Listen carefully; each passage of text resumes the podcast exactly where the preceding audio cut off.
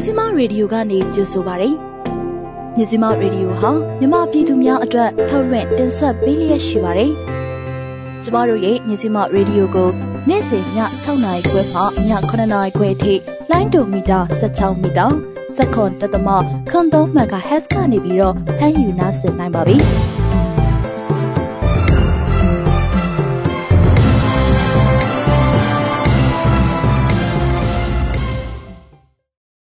မင်္ဂလာပါရှင်မြန်မာနိုင်ငံသူနိုင်ငံသားတွေဘေးကင်းလုံခြုံပြီးစိတ်ချမ်းသာကိုယ်ကျန်းမာစွာဖြတ်သန်းနိုင်ကြပါစေလို့မြစီမရေဒီယိုအဖွဲ့သူအဖွဲ့သားတွေကဆုတောင်းမေတ္တာပို့လိုက်ရပါတယ်ဇန်နဝါရီလ12ရက်နေ့ဗုဒ္ဓဟူးနေ့ညမြစီမရေဒီယိုရဲ့သတင်းတွေကိုကျွန်မမှုနဲ့အတူမဝင်းရမူမြင့်ကပါတင်ဆက်ပေးမှာပါဒီကနေ့ညရဲ့သတင်းတွေထဲမှာလွိုင်ကော်မြို့မှာတိုက်ပွဲဖြစ်ပွားစစ်ကောင်စီမှလက်နက်ကြီးတွေနဲ့ပစ်ခတ်နေတဲ့သတင်းဖာပွန်ခရိုင်တွင်းမှာရှိတဲ့ကျေးရွာ၃ခုကိုစစ်ကောင်စီကလေရင်၃စီးနဲ့ပုံကျဲတိုက်ခိုက်တဲ့တဲ့ မင်းကင်းမြို့နယ်စနပြင်းကျေးရွာကိုစစ်ကောင်စီတပ်ကဝင်ရောက်စီးနင်းပြီးကလေးငယ်တအူပြစ်တက်ခံရတဲ့တဲ့ဟာခါမြို့နယ်ကချင်းအမျိုးသားဒီမိုကရေစီအဖွဲ့ချုပ်ရဲ့ပြည်내လွှတ်တော်ကိုယ်စားလှယ်ဦးရှမ်းမန်းနေအိမ်ချိတ်ပိတ်ခံရတဲ့တဲ့စတဲ့သတင်းတွေကိုတင်ဆက်ပေးမှာပါသတင်းတွေအပြီးမှာတော့ဆက်သွယ်မေးမြန်းချက်စီးပွားရေးသတင်းတွေနိုင်ငံတကာသတင်းတွေနားဆင်ကန်စားစောင်းမများအစီအစဉ် Nature's Article အစီအစဉ်နဲ့ BNI အစီအစဉ်တွေကိုလည်းနားဆင်ရဖို့ရှိပါတယ်။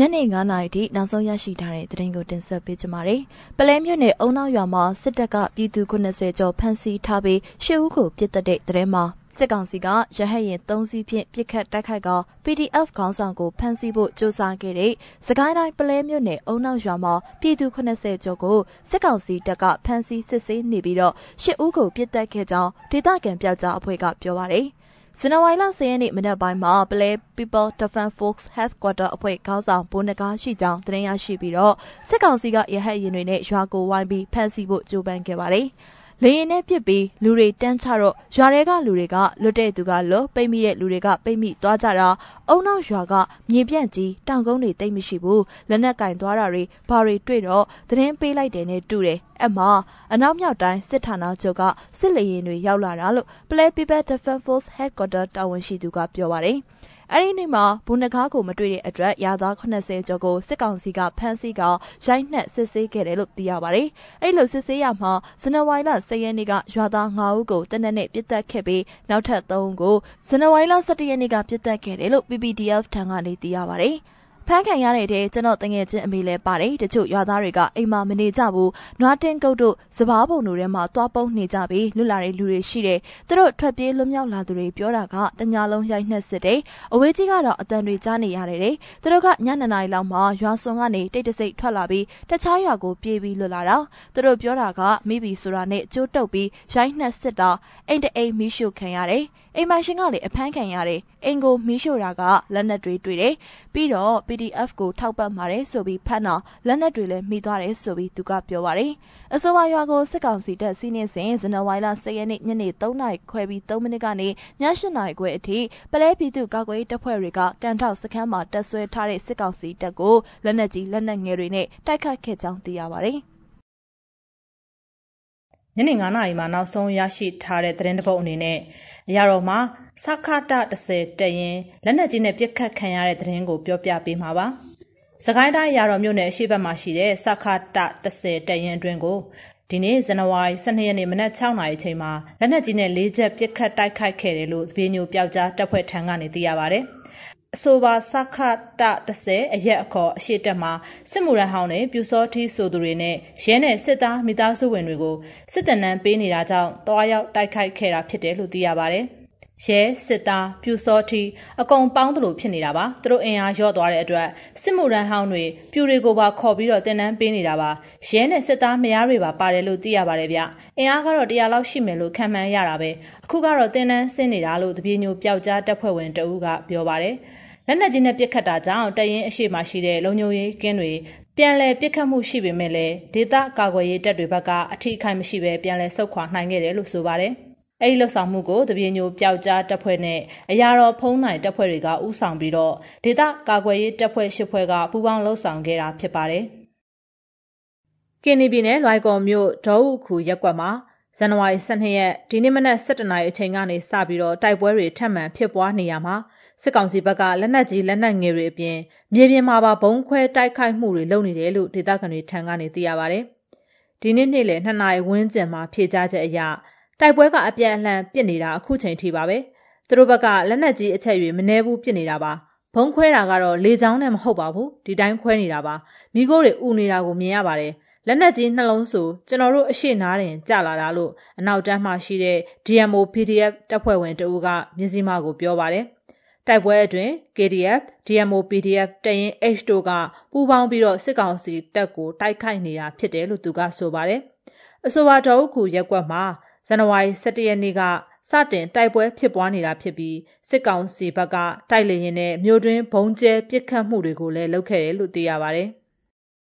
ကရင်ပြည်နယ်ဖာပွန်ခရိုင် KNU တပ်မဟာ9နေမြေမှာရှိတဲ့ထွေလို့မြို့နယ်အတွင်းကျေးရွာ300ကိုအာနာသိန်းစစ်ကောင်စီကလေရင်3စီးနဲ့ဇန်နဝါရီလ12ရက်နေ့နနက်09:15မိနစ်ခန့်မှာလာရောက်ဘုံကျဲတိုက်ခိုက်ခဲ့ကြောင်း KN အမျိုးသားစီယုံ KNU ကထုတ်ပြန်ပါတယ်။ထွေလို့မြို့နယ်လဲထူဖို့ ဝါခဒဲနဲ့ထွေးတီဦးကျေးရွာတွေကအနီးကိုအာနာသိန်းစစ်တပ်ကလေရင်၃စီးနဲ့ဘုံငါလုံးကျဲချတိုက်ခိုက်ခဲ့ရမှာလက်ထူးဖို့မှာနှလုံးနဲ့ထွေးတီဦးကျေးရွာမှာဘုံ၃လုံးကြောက်ရောက်ပောက်ကွဲခဲ့ကြောင်း KNU ကပြောဆိုပါရယ်လူထိခိုက်တာတော့မကြားရပါဘူးအဆောက်အုံတစ်ခုပျက်စီးသွားတယ်လို့သိရတယ်ဆိုပြီး KNL တပ်မဟာ9နဲ့နှိစက်သူတအုပ်ကမျက်စိမှကိုပြောပါရယ် စစ်ကောင်စီတပ်ရဲ့လေကြောင်းဘုံကျဲတိုက်ခိုက်မှုကြောင့်လေထူဖိုးစေးပေးခန်းနဲ့ဝါခတဲစေးပေးခန်းတွေဘုံထိမှန်ပျက်စီးခဲ့ကြောင်း KNU ကပြောပါရယ်။ကျွဲလုံးမြို့နယ်မဲတုကျေးရွာအုပ်စုမှာရှိတဲ့လေထူဖိုးဒေသကိုပြီးခဲ့တဲ့ဇန်နဝါရီလ၄ရက်နေ့လွတ်လပ်ရေးနေ့နနက်တနာရီကျော်ခန့်အချိန်မှာလဲစစ်ကောင်စီကလေရင်နဲ့ဘုံသုံးလုံးကျဲချတိုက်ခိုက်ခဲ့ခြင်းဖြစ်ကြောင်းစေးပေးခန်းနဲ့စာတင်ကျောင်းဘော်ဒါဆောင်6လုံးပျက်စီးခဲ့ပါသေးတယ်။ဆီယနာသိမ်းပြီးနောက်ပိုင်းကီအမျိုးသားလွတ်မြောက်ရေးတပ်မတော် KNL နဲ့အာနာသိန်းစစ်ကောင်စီတပ်တို့အကြားတိုက်ပွဲပြင်းပြင်းထန်ထန်ဖြစ်ပွားနေပြီးတော့ KNL တပ်မဟာ9တပ်မဟာ1နဲ့တပ်မဟာ6ဒေသတွေမှာတိုက်ပွဲပြင်းထန်နေပါတယ်။ လက်ရှိတိုက်ပွဲဖြစ်ပွားနေတဲ့ KNU တပ်မဟာ6နယ်မြေငင်းချမ်းရေးမြို့တော်လေးကစ်ကောမြို့တစ်ကို အာနာသိန်းစစ်ကောင်စီက တိုက်လေရင်တွေနဲ့ ပြီးခဲ့တဲ့ ဒီဇင်ဘာလ23ရက်နေ့ကနေ25ရက်နေ့ထိ ၃ ရက်ဆက်တိုက်ဘုံကျဲတိုက်ခိုက်မှုတွေ ပြုလုပ်ခဲ့ပါတယ်။စကိုင်းတိုင်း ကလေးခရိုင် မင်းကင်းမြို့နယ်ဆနပြင်းကျေးရွာကို စစ်ကောင်စီတပ်တွေက ဒီနေ့မနက်ပိုင်းမှာ ဝင်ရောက်စီးနင်းခဲ့ရမှာ အသက်10နှစ်အရွယ် ကလေးငယ်တအုပ်ပြစ်တက်ခံခဲ့ရတယ်လို့ ဒေသခံတွေရဲ့ ပြောကြားချက်အရ သိရပါဗျ။ လက်ရှိမှာစစ်ကောင်စီတပ်ဖွဲ့ဝင်တွေကကြေးရွာတွင်းကိုလက်နက်ကြီးလက်နက်ငယ်တွေနဲ့ရန်တမ်းပစ်ခတ်နေပြီးလူနေအိမ်တွေလည်းမိရှို့ဖျက်ဆီးခံထားရတယ်လို့ဒေသခံတွေကပြောပါတယ်။မနက်9နာရီလောက်ကလေးကပြူစောထီးနဲ့စစ်ကောင်စီပေါင်းပြီးရွာကိုဝင်စီးနေတာပါအခုထိပါပဲလူနေအိမ်တွေကိုပါမိရှို့ဖျက်ဆီးနေပါတယ်။အသက်၁နှစ်သားကလေးငယ်တဦးကတော့စစ်ကောင်စီရဲ့ပစ်ခတ်တဲ့လက်နက်ကြီးကြောင့်ပွဲချင်းပြီးတေဆုံးသွားတယ်လို့မေကင်းမြို့နယ် PDF တပ်ဖွဲ့ဝင်တဦးကပြောပါတယ်။အဆိုပါဖြစ်ရဲ့ကြောင့်ဆနပြင်းရွာမောင်တက်ရွာ မုတ်တာရွာရဲရွာတေမလောက်ရွာစတဲ့ကျေးရွာတွေကဒေသခံတွေဟာအိုးအိမ်ဆုံးခွာပြီးဘေးလွရာကိုထွက်ပြေးတိမ်းရှောင်နေကြရတယ်လို့သိရပါတယ်။မင်းကင်းမြို့နယ်မှာစစ်ကောင်စီပြူစောထီနဲ့ဒေသခံပြည်သူ့ကာကွယ်ရေးတပ်ဖွဲ့ဝင်တွေကြားမှာမကြာခဏဆိုသလိုတိုက်ပွဲတွေဖြစ်ပွားနေတာပါဆက်လက်နားဆင်ရမယ့်သတင်းကတော့ဖလန်းတိုက်ပွဲမှာစစ်ကောင်စီတပ်ဖွဲ့ဝင်15ဦးထပ်မံတေဆုံးတယ်လို့ CMO ကထုတ်ပြန်လိုက်တဲ့အကြောင်းကိုပြောပြမှာပါ။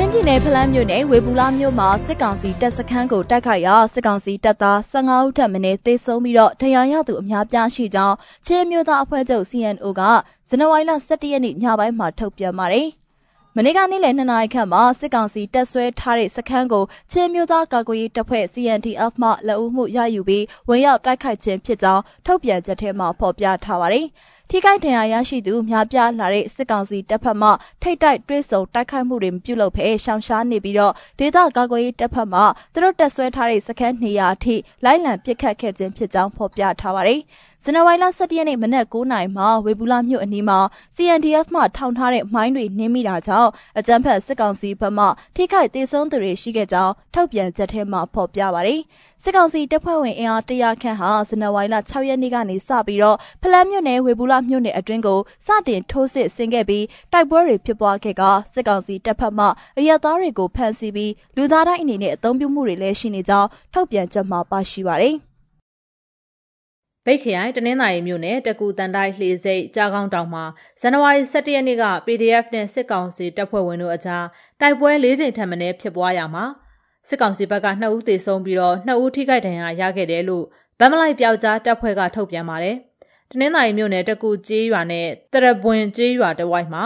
ပြည်သူ့ကာကွယ်ရေးတပ် PDF တွေနဲ့ စစ်ကောင်စီတပ်တွေ မကြာခဏ တိုက်ပွဲဖြစ်ပွားရမှာ ဇန်နဝါရီ17ရက်နေ့ နေ့လယ်2နာရီနဲ့9နာရီအချိန်အထိ စစ်ကောင်စီဘက်က လက်နက်ကြီးတွေနဲ့ ပစ်ခတ်ပြီးတော့အပြန်အလှန် တိုက်ပွဲ၄ချိန်ဖြစ်ပွားရမှာ စစ်ကောင်စီဘက်ကကြာဆုံးဒဏ်ရာရသူတွေ ရှိခဲ့တာလို့ ဆိုပါတယ်။တကူကျေးရွာမှာနေတဲ့ ဒေသခံတအုပ်ကနေ့လယ်ပိုင်းမှာ စစ်ကောင်စီဘက်က ကင်းတောက်လေရင်ဝဲပြန်ပြီးတော့ညနေပိုင်းမှာ တိုက်ပွဲဖြစ်တယ်လို့ ကြားပါတယ်လို့ ဆိုပါတယ်။ ဆိုပါတိုက်ပွဲအတွင်းဗမ်မလိုက်ပျောက်ကြားအဖွဲ့ကအထိခိုက်ကင်းစွာပြန်လည်ဆုတ်ခွာနိုင်ခဲ့တယ်လို့ဆိုပါအဖွဲ့ကပြောပါတယ်။တနင်္သာရီမြို့အနီးတစ်ဝိုက်မှာစစ်ရေးတင်းမာမှုတွေရှိနေပြီးတော့ပြည်သူတွေမလိုအပ်ဘဲခရီးမသွားလာကြဖို့နဲ့တိုက်ပွဲတွေဖြစ်ပွားရင်အတက်နိုင်ဆုံးရှောင်ရှားကြဖို့ကိုလည်းဗမ်မလိုက်ပျောက်ကြားတပ်ဖွဲ့ကသတိပေးထားပါတယ်။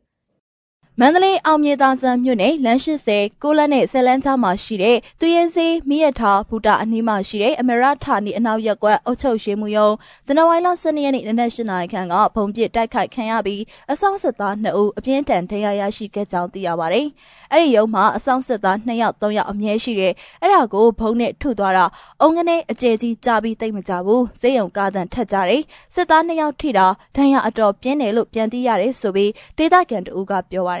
တယ်။အဆိုပါရုံအဆောင်တာဝန်ကျစစ်ကောင်စီလက်နက်ကိုင်2ဦးကိုဆိုင်ကယ်ဆေးလာတဲ့လူ2ဦးကလက်လုံဖုံးနဲ့လှမ်းပစ်သွားခြင်းဖြစ်ကြောင်းဒေသခံတွေကဆိုပါတယ်။စစ်သားနှစ်ယောက်မှာတယောက်ကဒဏ်ရာအတော်ပြင်းနေသေးမှာပါတည်သွားပြီလို့လည်းကြားတယ်လို့ရက်ွက်ရုံနဲ့နှီးဆက်သူတဦးကဆိုပါတယ်ဘုံပြစ်တိုက်ခိုက်မှုကိုမြည်သည့်အဖွဲ့အစည်းကပြုလုပ်ကြောင်းနဲ့ဒဏ်ရာရစစ်ကောင်စီတပ်သား2ဦးရဲ့အခြေအနေနဲ့ပတ်သက်ပြီးတိကျအတည်ပြုနိုင်ခြင်းမရှိသေးပါဘူး။ ကြားပြည်နယ်လွိုက်ကော်မှာ စစ်ကောင်စီတပ်နဲ့ ဒေသကာကွယ်ရေးတပ်တွေ တိုက်ပွဲဖြစ်ပွားနေပြီးတော့စစ်ဘေးရှောင်ပြည်သူတွေကို စစ်ကောင်စီက ထွက်ခွာခွင့် ပိတ်ဆို့ထားပြီးစံစီစေဝါနဲ့73စီတွေကိုလည်း ပိတ်ပင်ထားပါတယ်။စစ်ဘေးရှောင်ပြည်သူတွေရဲ့ အခြေအနေတွေကို မမေယူကမေးမြန်းတင်ဆက်ထားပါတယ်။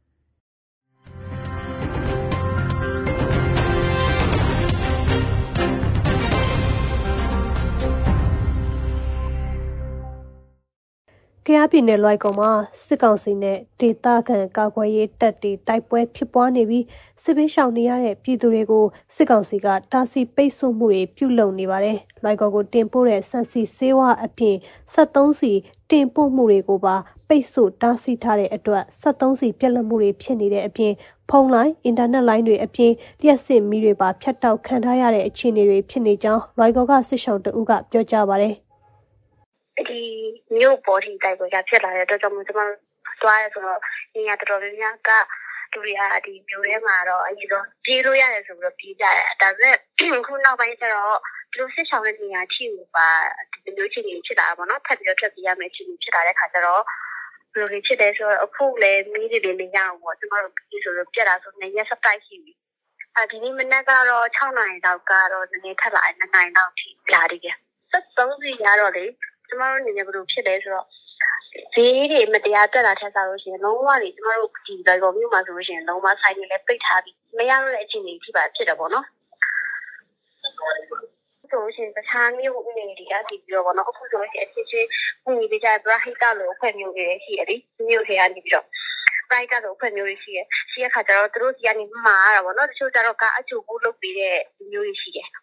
ဟုတ်ကဲ့ပါရှင်ဆိုတော့ကျွန်တော်တို့အဲ့ဒီအဲ့ဒီအချိတ်အဆက်တွေနဲ့ပဲတယောက်နဲ့တယောက်ချိတ်သက်ကြတာပေါ့တယောက်နဲ့တယောက်ဆိုတော့ဘယ်ကနေဘယ်ထိရောက်မလဲဆိုတော့အလန်းကြုံတွေတော့ပဲလိုက်ကြရတယ်ပြီးတော့ကားတွေကထားလူပြီးလာကျုံမှပဲသူတို့သွားလို့ရတယ်ပေါ့ဒီမောဆိုမှာဆိုရင်ကျွန်တော်တို့မရတာဆိုတစ်ပတ်လောက်တော့ရှိပါတော့ဖုန်းလိုင်းတွေကအင်တာနက်လိုင်းတိတ်မရဘူးတော်တော်များများကျမတို့နဲ့ကျမနဲ့အဆက်အသွယ်ရှိတဲ့တော်တော်များများဒီနဲ့လည်းဆက်သွယ်များတာကြာပြီဆိုတော့ပြီးတော့ like ကောမှာကျတော့သူက line တော့ရတယ် ဒါပေမဲ့ဖြတ်မီးတွေကဖြတ်ထားတာဒီနေ့ဆို3ရက်လောက်ရှိပြီဖြစ်တဲ့အတွက်ကြောင့်မလို့ကျမတို့ line တွေချို့ဆိုတုံးလို့မရတော့ဘူး power bank တွေလည်းဝယ်လို့ရတဲ့နေရာတွေကလည်းမရှိတော့ဘူးဆိုင်ရလည်းအကုန်လုံးပိတ်ပြီးတချို့လူတွေကလည်းမရှိကြတော့ဘူးလေ power bank လည်းအာခဏလောက်ပဲခံတယ်လေတရက်နှစ်ရက်လောက်ပဲခံကြတယ်အခုအချိန်ကြီးကပြမလာတဲ့အတွက်ကြောင့်မလို့ဟိုခုဆိုလို့ရှိရင် connection တွေကလည်းတိတ်ပြီးတော့မရှိကြတော့ဘူးရှိတဲ့လူကအရင်ကနေသွားပြီဆိုတော့မြို့ပေါ်မှာလည်းလူကတိတ်မရှိတော့ဘူးလေဆိုတော့တချို့လူတွေကအခုမြို့ ပြင်မာတွေလည်းရောက်ကုန်တယ်ကျမတို့လိုမျိုးဆိုလို့ရှိရင်အခု line မရတဲ့နေရာပေါ့အဲ့နေရာတွေလည်းရောက်နေကြတာဆိုတော့ဟုတ်ဒီတော့လွိုင်ကော်မြို့ကိုလည်းထန်တလန်လိုမီးရှို့ခံရမှာဒေသခံတွေစိုးရိမ်နေရပါလက်ရှိလူအများပြစစ်ရှောင်နေကြပေမဲ့အချို့သောသူတွေကတော့နေအိမ်မီးရှို့ခံရမှာမြို့ပြပျက်စီးမှာကြောက်လို့မစွန့်ခွာပဲကြံ့ကြံ့ခံနေခဲ့သူတွေလည်းရှိနေပါတယ်။ စစ်ဘေးရှောင်တွေရှောင်တိန်ကြတဲ့နေရာအချို့မှာနေထိုင်စားသောက်ရေးအတွက်လူသားချင်းကူညီကြတဲ့သူတွေရှိသလိုမြို့ကန်မဟုတ်လို့ဈေးတင်ရောင်းတဲ့သူအချို့နဲ့လည်းကြုံတွေ့နေရတယ်လို့လည်းပြောပါတယ်။ရှမ်းပြည်နယ်ဘက်ကိုရှောင်တိန်တဲ့အခါမှာလည်းအိမ်ကန်ငှားရမ်းကားတွေဈေးနှုန်းကြီးမြင့်တာတွေပါရှိနေရပါသေးတယ်။ဒါအပြင်ရာသီဥတုဟာလည်းတိတ်ကိုအေးလို့အချို့တက်ကြီးရွယ်အိုတွေဆိုရင်ကျန်းမာရေးပြဿနာတွေနဲ့ကြုံတွေ့နေရပါတယ်။ လွိုင်ကော်နဲ့ဒီမော့ဆိုမှာတိုက်ပွဲတွေဖြစ်ပွားနေတဲ့အတွက်စစ်ရှောင်နေရတဲ့ဒေသခံဥယျာဉ်များပြလာနေပြီးစစ်ရှောင်တွေအတွက်တော့ရိတ်ခါစေဝါအနှွေးတဲ့စောင်းတဲ့အမိုးအကာတွေအရေးပေါ်လိုအပ်နေပါတယ်လူသားချင်းစာနာမှုနဲ့ထွက်ပြေးတိမ်းရှောင်နေရတဲ့သူတွေကိုကူညီနိုင်သလောက်ကူညီပေးပါဆိုပြီးလဲစစ်ရှောင်တွေအားလုံးကိုကိုစားသူကတောင်းဆိုလိုက်ပါတယ်ရှင်စိုးရိမ်စိတ်တခုတော့ရှိကြတာပေါ့နော်။ဘာလဲဆိုထန်တလန်လိုဖြစ်ပြီးဖြစ်သွားကြမှာဆိုပြီးတော့ဒီကိုကိုကိုအိမ်ပေါ့နော် မစွန့်ခွာနိုင်ကြတဲ့လူတွေလည်းရှိရဘာလို့ဆိုတော့အဖြစ်မခံနိုင်ဘူးဆိုပြီးတော့လေတောင့်ခံနေတဲ့ပြည်သူတွေရှိရဒါပေမဲ့အဲ့လိုတောက်ခံနေတဲ့ဂျားတို့ဘယ်လိုဖြစ်လဲဆိုတော့ဒီလေကြောင်းတိုက်ခိုက်မှုကတော်တော်ဆိုးရယ်ဘယ်လိုဖြစ်လဲဆိုတော့သူတို့ကဒီတိုက်ပွဲရှိတဲ့နေရာမှာတင်မဟုတ်ဘူးလေကြောင်တိုက်ခိုက်မှုကတော်တော်လေးကိုလေတိုက်ပွဲမရှိတဲ့နေရာတွေပါကြာတာပထမရက်ကိုငါးနေတိုက်ခိုက်ပြီးတော့ဒုတိယရက်မှာဘယ်လိုကြာလဲဆိုတော့သူကတိုက်ပွဲဖြစ်တဲ့နေရာမှာဟိုချတဲ့နေရာကို ချလိုက်တော့စစ်ဆောင်တွေကတွားပြီးတော့တခြားရက်ကွက်ကိုပြောင်းတယ်ကျမတို့အနေနဲ့ဆိုလို့ရှိရင်တော့ဒီလုံခြုံပေးတဲ့နေရာပေါ့နော်မြို့တွင်းမှာတဲ့အဲ့ညောင်ပြောင်းသွားတဲ့ညောင်ညဘက်ကျတော့အဲ့ညောင်တွားပြီးတော့ကျဲတယ်ကျဲတဲ့ခါကျတော့ပြည်သူတွေအများကြီးထိသွားတော့ပေါ့နော်စစ်ဆောင်တွေကထိသွားတဲ့ခါကျတော့လုံခြုံမှုလားကြောက်တယ်တော်တော်လေးကိုစိုးရင်ကြောက်ပြီးတော့မှအဝေးကိုပြေးတာပေါ့ခုနကကျွန်မပြောတဲ့နေရာလွိုင်းနာဖားတို့တန်းဖက်ခုံတို့ဒီနန်ကိုတောင်းပဲတို့ထပ်ပြီးတော့ပြေးကြတယ်ဟိုးအရင်ကတည်းက ကိုဗစ်ဖြစ်ကြတဲ့ဆူဆောင်လေးရှိရဲ့ဘက်ကိုသူတို့ကထပ်ပြီးတော့ကြီးသွားကြတယ်။ဒါပေမဲ့ဖြစ်ချင်တော့လွန်ခဲ့တဲ့နေ့လောက်ကအဲ့နမခုံဘက်ကိုညဘက်ကြီးလက်နဲ့ကြည့်တော့ကြည့်တော့နမခုံဘက်မှာဆူဆောင်လေးအများကြီးရှိရဲ့အရှိတဲ့နေရာကိုတွားပြီးတော့ထိတယ်။ပြီးတော့အခုကအချိန်ကြီးရဆိုလို့ရှိရင်တော်တော်ဆိုးသွားတာပေါ့နော်။အမနေ့ကလည်းလေကြောင်းတိုက်ခိုက်မှုကဒီ9ချိန်လောက်ထိထပ်ပြီးတော့ချတဲ့ခါကျတော့နေရာနေရာမျိုးမရှိသလိုဖြစ်တယ်။အခုကျွန်မပြောနေတဲ့အချိန်မှာတော့မှအခုပြိုထဲမှာ မြို့တွင်းမြို့နယ်ကောင်မှတော်တော်ဒီကိုဒီပြခတ်နေကြတာပေါ့နော်ကျမတို့ရဲ့မြစီမရေဒီယိုကိုနေ့စဉ်ညနေ6နာရီခွဲမှ9နာရီခွဲအထိတိုင်းတူမီတာ16မီတာ7.3တက်မှ3.3 MHz ကနေပြီးဖမ်းယူနိုင်စင်နိုင်ပါပြီ။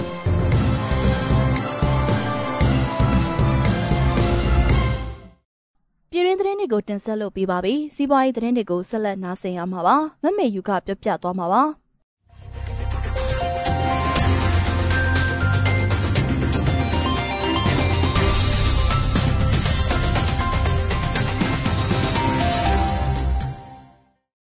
ဒီကနေ့ထွက်ရရှိထားတဲ့စီးပွားရေးသတင်းတွေစတင်နာဆင်ရပါတော့မယ်ပထမဆုံးအနေနဲ့ဇန်နဝါရီလဆန်းပိုင်းကစတင်လို့73စီဈေးနှုန်းမြင့်တက်လာပြီးကုန်စည်အချို့လည်းဈေးတက်နေပါတယ်ဇန်နဝါရီလဆန်းပိုင်းကစတင်လို့73စီဈေးနှုန်းဟာတရိပ်ရိပ်မြင့်တက်လာပြီးလက်ရှိမှာတော့62တက်လီတာကို1425ကျပ်ရှိနေတာပါဒီဇင်ဘာလကုန်ပိုင်းလောက်မှာ62တက်လီတာကို1390ကျပ်ပဲရှိခဲ့ပေမဲ့ဇန်နဝါရီ၄ရက်မှာတော့1400ကျော်ကိုရောက်ရှိလာခဲ့တာပါလက်ရှိမှာဇန်နဝါရီ10ရက်ရန်ကုန်ဈေးကွက်အရ62တလီတာကို1425ကျပ်ကိုရောက်ရှိနေပြီး65တလီတာကတော့1485ကျပ်ကိုရောက်ရှိလာခဲ့ပါတယ်။မန္တလေးမြို့မှာ62တလီတာကို1485ကျပ်ရှိပြီး65တလီတာကို1560ကျပ်ကိုရောက်ရှိနေကြောင်း73စီဈေးကွက်အတွင်းမှသိရှိရပါတယ်။အခုလို73စီဈေးတွေတရိပ်ရိပ်မြင့်တက်နေလို့အငားရင်မောင်းနေတဲ့သူတွေနဲ့ကုန်စည်ပို့ဆောင်ရေးလုပ်ငန်းတွေမှာထိခိုက်နစ်နာမှုတွေများစွာဖြစ်ပေါ်နေကြတာပါ။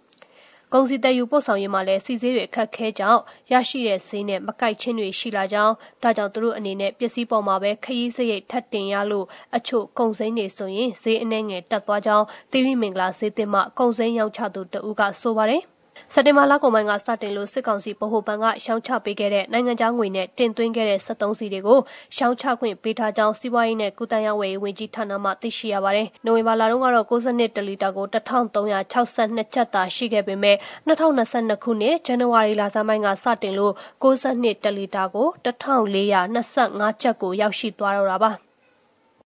စစ်ကောင်စီရဲ့မူဝါဒအပြောင်းလဲကြောင့်ကားအယောင်စင်တာများလည်းကြက်တဲသွားနိုင်တယ်ဆိုတဲ့သတင်းကိုဆက်လက်နားဆင်ရမှာပါစစ်ကောင်စီရဲ့လက်အောက်ခံစီးပွားကူတန်းဝန်ကြီးဌာနကထုတ်ပြန်တဲ့2022ခုနှစ်အတွက်ကားတင်သွင်းခွင့်မူဝါဒကြောင့်ကားရောက်စင်တာတွေပိတ်ရမယ့်အခြေအနေမျိုးနဲ့ကြုံတွေ့နေရကြောင်းသိရှိရပါတယ်။စစ်ကောင်စီကပြည်တွင်းမှာအမေရိကန်ဒေါ်လာလိုအပ်ချက်တွေရှိနေလို့ကားပါမစ်တွေကို2021ခုနှစ်စက်တင်ဘာလကတည်းကရပ်ဆိုင်းခဲ့တာဖြစ်ပြီး2022ခုနှစ်အတွက်ကားတင်သွင်းခွင့်မူဝါဒထွက်ရှိလာတဲ့အခါမှာလဲကားသစ် တင်သွင်းခွင့်ကို ကားအယောင်စင်တာတွေကိုခြံလှပ်ထားပါတော့တယ်။ Brand New Car Showroom အနေနဲ့အယောင်စင်တာက လုပ်ငန်းလိုင်စင်အမျိုးအစားလည်း မတူသလိုအတစ်တင်သွင်းခွင့် ပြန်ပေးတာကလည်း အရေးအတွက် ကန့်သတ်ထားပြန်တယ်လို့လည်း သိရပါတယ်။ ဒီလိုအကျိုးဆက်တွေကြောင့်ပဲ ရန်ကုန်ကားဝယ်ရောင်းဈေးကွက်မှာ ကားသစ်တွေရဲ့ ဈေးနှုန်းတွေတက်သွားပြီးအယောင်းဝယ် အေးသွားပါတော့တယ်။မူဝါဒအသစ်ကြောင့် brand new ကားဈေးကွက်မှာ ပြည်တွင်းထုတ် SKT က80ရာခိုင်နှုန်းလောက်ရှိလို့ ဈေးကွက်အပေါ်မှာအများကြီးတော့ ရိုက်ခတ်မှုမရှိပေမဲ့ ကားရောင်းစင်တာနဲ့အယောင်းပြကန်တွေအတွက်ကတော့လောက်ရကန်ရ ခက်ခဲကြက်တဲသွားနိုင်ကြောင်း ကားလုပ်ငန်းရှင်တွေက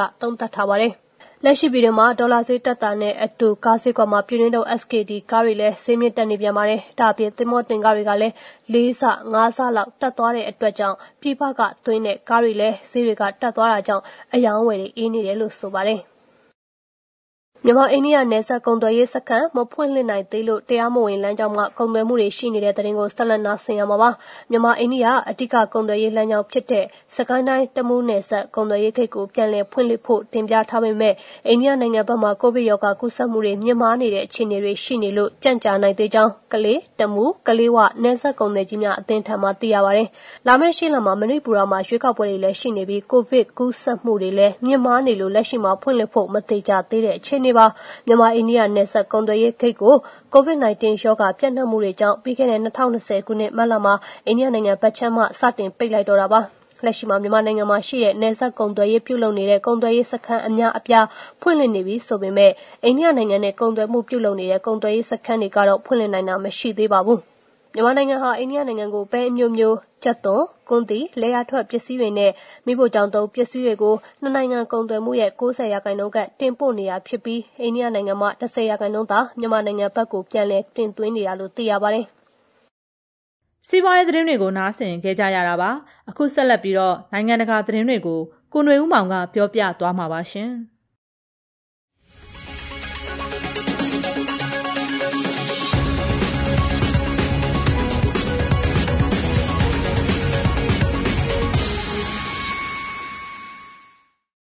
ဇန်နဝါရီလ17ရက် အင်္ဂါနေ့ အစောပိုင်းက Cyprus အနောက်ဘက်ကမ်းရိုးတန်းမှာပြင်းအား6.6အဆင့်ရှိအင်အားပြင်းငလျင်တစ်ခုလှုပ်ခတ်သွားကြောင်းအမေရိကန်ဘူမိဗေဒတိုင်းတာရေးအဖွဲ့ USGS ကပြောကြားခဲ့ပြီးအသေးအပြောက်နဲ့ပျက်စီးဆုံးရှုံးမှုများကိုချက်ချင်းသတင်းထုတ်ပြန်ခြင်းမရှိသေးပါဘူး။ Greenwich စံတော်ချိန်တနအီ9မိနစ်မှာလှုပ်ခတ်ခဲ့တဲ့အဆိုပါငလျင်ဟာမြေထဲပင်လယ်ကျွန်းပေါ်ရှိပေါ်လင်မြို့ရဲ့အနောက်မြောက်ဘက်48ကီလိုမီတာအကွာကိုဗဟိုပြုခဲ့တယ်လို့ USGS ကပြောကြားခဲ့ပါတယ်။ USGS ရဲ့အဆိုအရအဆိုပါငလျင်ရဲ့လှုပ်ခတ်မှုကို Cyprus တခွင်နဲ့ဝေးကွာလှတဲ့တူရကီနိုင်ငံ၊အစ္စရေးနဲ့လက်ဘနွန်တို့အထိအောင်ခံစားခဲ့ရတယ်လို့သိရပါတယ်။ကီလိုမီတာ130အကွာကနီကိုရှားမြို့တော်ရှိအဆောက်အဦများကိုလှုပ်ခါခဲ့ပြီးအိယာကလန့်နိုးလာသူအနှဲငယ်ဟာလမ်းတွေပေါ်ကိုထွက်ပြေးခဲ့ကြပါတယ်။အရန်ကြောက်ဖို့ကောင်းတယ်အဆောက်အဦတစ်ခုလုံးခါရမ်းနေတာပဲလို့နီကိုရှားမှာနေထိုင်သူတို့က AFP ကိုပြောပြပါတယ်။ငလျင်ဟာကျွန်းတောင်ဘက်ကလူတွေကိုပါထိတ်လန့်စေခဲ့ပါတယ်။ ကျမတို့အိယာကလန့်နိုးလာတယ်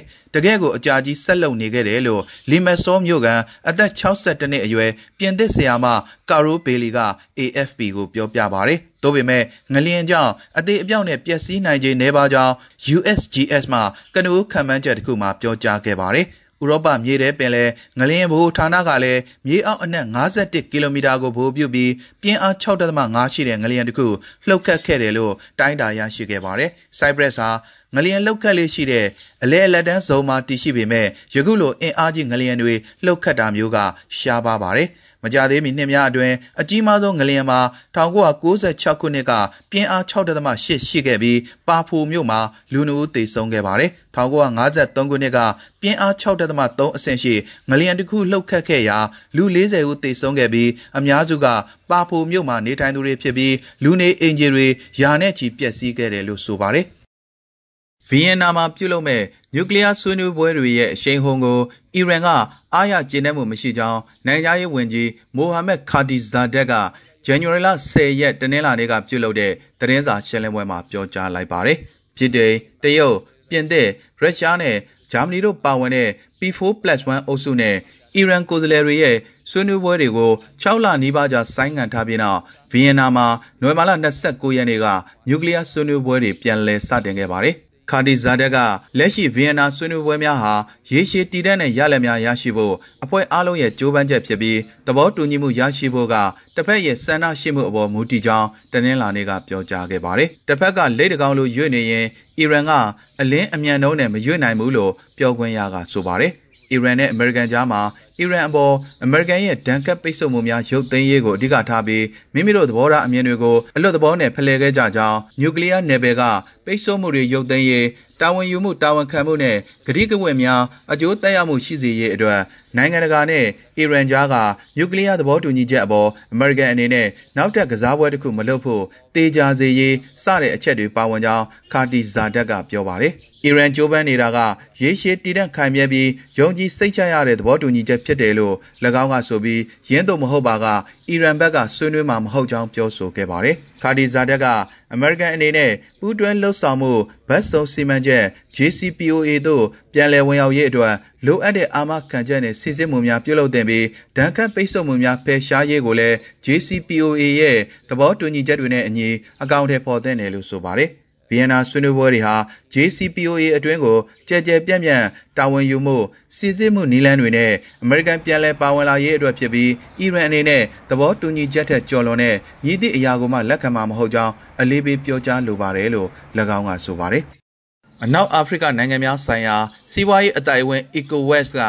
နိုင်ငံပေါ် ချမှတ်ထားတဲ့ တရားမဝင် ပိတ်ဆို့ရေးယူမှုတွေကို မာလီရဲ့ အာဏာရှင်စစ်အစိုးရက ပြင်းပြင်းထန်ထန် ရှုံချကြောင်း ထုတ်ပြန်ခဲ့ပါတယ်။ ဇန်နဝါရီလ10ရက်တနင်္လာနေ့ကထုတ်ပြန်ခဲ့တဲ့နိုင်ငံပိုင်ရုပ်သံကကြေညာချက်တစ်ခုမှာစစ်အစိုးရရဲ့ပြောခွင့်ရဗိုလ်မှူးကြီးအက်ဗ်ဒူလိုင်းမိုက်ကာကအခုလိုပိတ်ဆို့မှုအတွက်အနောက်အာဖရိကနိုင်ငံတွေစီကမာလီတန်တမန်တွေကိုပြန်လည်ခေါ်ယူခဲ့ပြီး၎င်းနိုင်ငံတွေနဲ့လေကြောင်းနဲ့မြေပြင်နယ်နိမိတ်တွေကိုပိတ်ပစ်လိုက်ကြောင်းကြေညာခဲ့ပါတယ်။ ECOWAS နဲ့အနောက်အာဖရိကစီးပွားရေးရာနဲ့ငွေကြေးသမဂ္ဂ UEMOA တို့ဟာ နယ်စပ်နဲ့ကုန်သွယ်မှုပိတ်ဆို့ခြင်းတွေအပါအဝင် မာလီနိုင်ငံအပေါ်စီးပွားရေးနဲ့တန်တမာရေးရာဒဏ်ခတ်မှုအစီအမံများစွာကိုတနင်္ဂနွေနေ့ကချမှတ်လိုက်ပြီးစစ်အစိုးရရဲ့နောက်ထပ်နှစ်ပေါင်းများစွာအာဏာဆုပ်ကိုင်ထားမယ့်ရည်ရွယ်ချက်ကိုလုံးဝလက်မခံနိုင်ကြောင်းပြောကြားခဲ့ပါတယ်။နှစ်ကြိမ်တိုင်အောင်အာဏာသိမ်းယူခဲ့တဲ့စစ်အစိုးရရဲ့မာလီမှာအရက်ဖက်အုပ်ချုပ်ရေးပြန်လည်ထူထောင်မယ်ဆိုတဲ့အချိန်စရာနဲ့ပတ်သက်လို့တင်းမာမှုတွေမြင့်တက်လာခဲ့ပြီးလအတန်ကြာတဲ့နောက် ဂါနာမှာဒေတာရင်းကောင်းဆောင်တွေတွေ့ဆုံဆွေးနွေးခဲ့ကြပြီးယခုလိုတန်ခတ်ပိတ်ဆို့မှုလုပ်ဖို့ဆုံးဖြတ်ချက်ထွက်ပေါ်လာခဲ့တာဖြစ်ပါတယ်။မာလီအစိုးရကဒီတရားမျှတမှုမရှိတဲ့ပိတ်ဆို့ရေးယူမှုတွေကိုပြင်းပြင်းထန်ထန်ရှုံချပါတယ်လို့စစ်အာဏာသိမ်းအစိုးရရဲ့ထုတ်ပြန်ချက်မှာဖော်ပြထားပါတယ်။ ECOWAS နဲ့ UEMOA တို့ဟာ ဂျီဟတ်တပုံထမှုကို တိုက်ခိုက်နေတဲ့ ပြင်သစ်ကဲ့သို့သော မာလီရဲ့ လုတ်ဖော်ကင်ဘတ်တွေကို ရည်ညွှန်းပြီး လုံခြုံရေးအကြောင်းပြချက်နဲ့ အင်အားအလွန်ကျွံသုံးစွဲနေတယ်လို့ဆွဆွဲထားပါတယ်။လုံခြုံရေးနဲ့ ကျန်းမာရေး အကြက်တဲတွေကြောင့် ဆိုးရွားစွာ ထိခိုက်ခံစားနေရတဲ့ မာလီပြည်သူတွေကိုပုံမနစ်နာစေမဲ့အခုလို လူမဆန်တဲ့ ဒဏ်ကပ်ပိတ်ဆို့မှုတွေအတွက် ပြင်းပြင်းထန်ထန် ရှုံချကြောင်း စစ်အစိုးရက ပြောကြားခဲ့ပါတယ်။ အနောက်အာဖရိကရဲ့ပိတ်ဆို့အရေးယူမှုတွေကိုရင်ဆိုင်ဖို့အတွက်ပုံမှန်ထောက်ပံ့ရေးပစ္စည်းတွေကိုအကြားသင့်လျော်တဲ့နည်းလမ်းနဲ့တေချာစီမံထားတယ်လို့စစ်အစိုးရကပြောကြားခဲ့ပြီးလူထုကိုစိတ်မပူဖို့ပြောကြားခဲ့ပါတယ်။တင်းမာမှုတွေမြင့်တက်နေပေမဲ့ထိတ်တိုက်ရင်ဆိုင်တွေ့မဲ့အဖြစ်အထိမရောက်ရှိအောင်ထိန်းထားဖို့နှစ်ဖက်စလုံးကသဘောတူညီထားသလိုယူကရိန်းကိုကျူးကျော်ဖို့အစီအစဉ်မရှိဘူးလို့တနင်္လာနေ့ကတင်းမာတဲ့ဆွေးနွေးပွဲအတွင်းရုရှားကအမေရိကန်ကိုပြောကြားခဲ့ပါတယ်။ဂျနီဗာမှာ9နာရီကြာစိစက်ဆွေးနွေးပြီးတဲ့နောက်ကြီးကြီးမားမားအောင်မြင်မှုလက္ခဏာမပြပေမဲ့ရုရှားနဲ့အမေရိကန်နှစ်ဖက်စလုံးကဆက်လက်ဆွေးနွေးကြဖို့ကမ်းလှမ်းခဲ့ကြပါတယ်။အနောက်လိုလားတဲ့အိန္ဒိချင်းယူကရိန်းအပေါ်ရုရှားရဲ့ကျူးကျော်မှုတွေဖြစ်လာနိုင်ခြေတွေကိုစိုးရိမ်တဲ့အတွက်အခုလိုအခြေတင်ဆွေးနွေးပွဲတွေဖြစ်ပေါ်လာခဲ့တာဖြစ်ပါတယ်။မော်စကိုဟာဝါရှင်တန်နဲ့၎င်းရဲ့နေတိုးမဟာမိတ်တွေထံမှကျယ်ပြန့်တဲ့လိုက်လျောမှုတွေကိုတောင်းဆိုထားသလိုအပြန်အလှန်အားဖြင့်တစ်ဖက်ကလည်းဘလို့တိုက်ခိုက်မှုမျိုးအတွက်မဆို ပြင်းထန်တဲ့ပိတ်ဆို့အရေးယူမှုတွေနဲ့တုံ့ပြန်သွားမယ်လို့ချိန်ချောက်ထားပါတယ်။ရုရှားလက်ထောက်နိုင်ငံသားရေးဝန်ကြီးစာဂျီရာယာကော့ဗ်ကယခုလိုစိုးရိမ်မှုတွေဟာအကျဉ်းမြင့်မရှိကြောင်းဆွေးနွေးပွဲအတွင်းအမေရိကန်လက်ထောက်နိုင်ငံသားရေးဝန်ကြီးဝန်ဒီရှာမန်ကိုအာမခံပြောကြားခဲ့ပါတယ်။ကျွန်တော်တို့မှာအစီအစဉ်မရှိဘူး။ယူကရိန်းကိုတိုက်ခိုက်ဖို့ရည်ရွယ်ချက်မရှိဘူးလို့ကျွန်တော်ရဲ့လုပ်ဖော်ကင်ဘတ်တွေကိုရှင်းပြခဲ့ကြောင်း၎င်းကသတင်းတောက်တွေကိုပြောကြားခဲ့ပါတယ်။ဒီကိစ္စတိုးမြင့်လာမှာကိုစိုးရိမ်နေဖို့အကြောင်းမရှိပါဘူးလို့၎င်းကဆိုပါတယ်။ ရိုင်ယယ်ကော့ကအမေရိကန်ဟာရုရှားအဆိုပြုချက်တွေကိုအလွန်အလေးနက်ထားသလိုမော်စကိုကလည်းဆွေးနွေးမှုတွေကိုဆက်လက်လှုပ်ဆောင်မှာဖြစ်တယ်လို့ထပ်လောင်းပြောကြားခဲ့ပါတယ်။ယူကရိန်းနယ်စပ်ကိုဘာကြောင့်တပ်အင်အားတသိန်းလောက်ချထားသလဲဆိုတဲ့မေးခွန်းနဲ့ပတ်သက်ပြီးဖြေရှင်းချက်တစုံတရာမရကြောင်းနဲ့ရုရှားဘက်ကကျူးကျော်မှာမဟုတ်ကြောင်းခိုင်မာတဲ့တပ်တွေပြနိုင်တာမျိုးမရှိဘူးလို့ဝန်ဒီရှာမန်ကဆိုပါတယ်။ဒီအကဲဖြတ်ချက်မျိုးကိုပန်တဂွန်မှာထပ်ခါတလဲလဲပြုလုပ်ခဲ့ပြီးဖြစ်ကြောင်းနဲ့မော်စကိုရဲ့တပ်ဖွဲ့ဝင်များချထားမှုအနေအထားကြီးကြီးမားမားပြောင်းလဲမှုမရှိကြောင်းပြောခွင့်ရဂျွန်ကာဘီကဆိုပါတယ်။ဒုံးကျည်များနေရာချထားမှုနဲ့လေ့ကျင့်မှုများကိုအရှိန်လျှော့ချဖို့ရှာမန်ကရုရှားနဲ့အပြန်အလှန်ကမ်းလှမ်းမှုတွေပြုလုပ်ခဲ့ပါတယ်။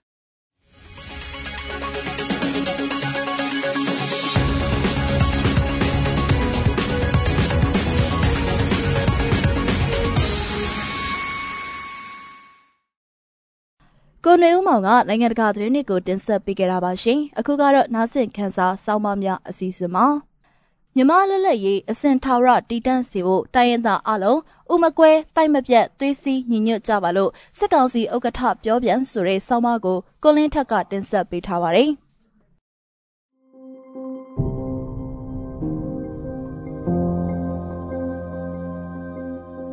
မြမလွတ်လပ်ရေးအစင်ထာဝရတည်တံ့စီဖို့တိုင်းသားအလုံးအမကွဲတိုင်းမပြတ်သွေးစည်းညီညွတ်ကြပါလို့စစ်ကောင်စီဥက္ကဋ္ဌပြောပြန်ဆိုတဲ့ဆောင်းပါးကိုတင်ဆက်ပေးမှာပဲဖြစ်ပါတယ်မြမလွတ်လပ်ရေးအစင်ထာဝရတည်တံ့စီဖို့တိုင်းသားအလုံးအမကွဲတိုင်းမပြတ်သွေးစည်းညီညွတ်ကြပါလို့စက္ကစဥက္ကဋ္ဌ84နှစ်မြောက်လွတ်လပ်ရေးနေ့ဂုဏ်လူဆောင်ပွဲများချီးမြှင့်ခြင်းအခမ်းအနားမှာပြောပါတယ်အမျိုးသားကောင်းဆောင်ကြီးဗိုလ်ချုပ်အောင်ဆန်းရဲ့ခေါင်းဆောင်မှုအောက်မှာတိုင်းသားအလုံးဇွဲလုံးလတတိအပြည့်နဲ့ စီစီလုံးလုံးညီညီညွတ်ညွတ်ကြိုးပမ်းခဲ့တာကြောင့်မြမလွတ်လပ်ရေးကိုအရယူနိုင်ခဲ့ခြင်းဖြစ်တယ်လို့စစ်ကောင်စီဥက္ကဋ္ဌကဆိုပါတယ်။သူ့ပါဇက်နဲ့မတန်မရာပြောတဲ့စကားတွေပါ။မြို့သားကောင်းဆောင်ကြီးဘူကျွန်းအောင်ဆန်းတဲ့အဲ့လိုရယူခဲ့တဲ့လွတ်လပ်ရေးနဲ့အချုပ်ချာအာဏာကပြည်ထောင်စုမြန်မာနိုင်ငံသားအားလုံးရဲ့နှလုံးသေးပွဲပမာဖြစ်ပါတယ်။မြို့သားကောင်းဆောင်ကြီးများနဲ့ဘိုးဘေးဘီဘီများစွန့်လွတ်စွန့်စားအားထုတ်ကြိုးပမ်းရယူခဲ့တဲ့မြမလွတ်လပ်ရေးအစဉ်ထာဝရတည်တံ့စေဖို့အတွက် လွတ်လပ်ရေးနေ့အမျိုးသားရေးဥတီချက်များကိုအလေးနက်ခံယူပြီးတိုင်းသားအလုံးဥမကွဲတိုက်မပြတ်သွေးစည်းညီညွတ်စွာအကောင့်တွေပေါ်ဆောင်ရွက်ကြဖို့လိုအပ်ပါတယ်လို့သူကပြောပါတယ်။ဒါပြင်လွတ်လပ်တဲ့နိုင်ငံတော်ကြီးတည်ငြိမ်အေးချမ်းမှုရှိပြီးခင်မီဖွံ့ဖြိုးတိုးတက်စေဖို့ဆောင်ရွက်ရမယ့်တာဝန်ကလည်းမိမိတို့မြန်မာနိုင်ငံသားအားလုံးရဲ့တာဝန်ပင်ဖြစ်တယ်လို့သူကပြောပါတယ်။ဘာလှုပ်ချင်ရလှုပ်ပြီးဥမကွဲတိုက်မပြတ်သွေးစည်းညီညွတ်လွတ်လပ်တဲ့နိုင်ငံတော်ကြီးဟုတ်လား တည်ငြိမ်အေးချမ်းမှုရှိပြီးခင်မီဖွံ့ဖြိုးတိုးတက်စေဖို့ဆောင်ရွက်ရမယ့်တာဝန်ကလည်းမိမိတို့မြန်မာနိုင်ငံသားအားလုံးရဲ့တာဝန်ပဲဖြစ်တယ်။ဟုတ်လား။စီယုံရင်စကားတော့တလေကြီးပြောသွားပြီးချင်းချောက်စာကိုတော့ကောင်းငင်ကနေတောင်ချတဲ့အဖြစ်မျိုးပါဗျာ။ပြည်သူ့ကာကွယ်ရေးတပ်ဖွဲ့ PDN နဲ့ပူးပေါင်းမှာက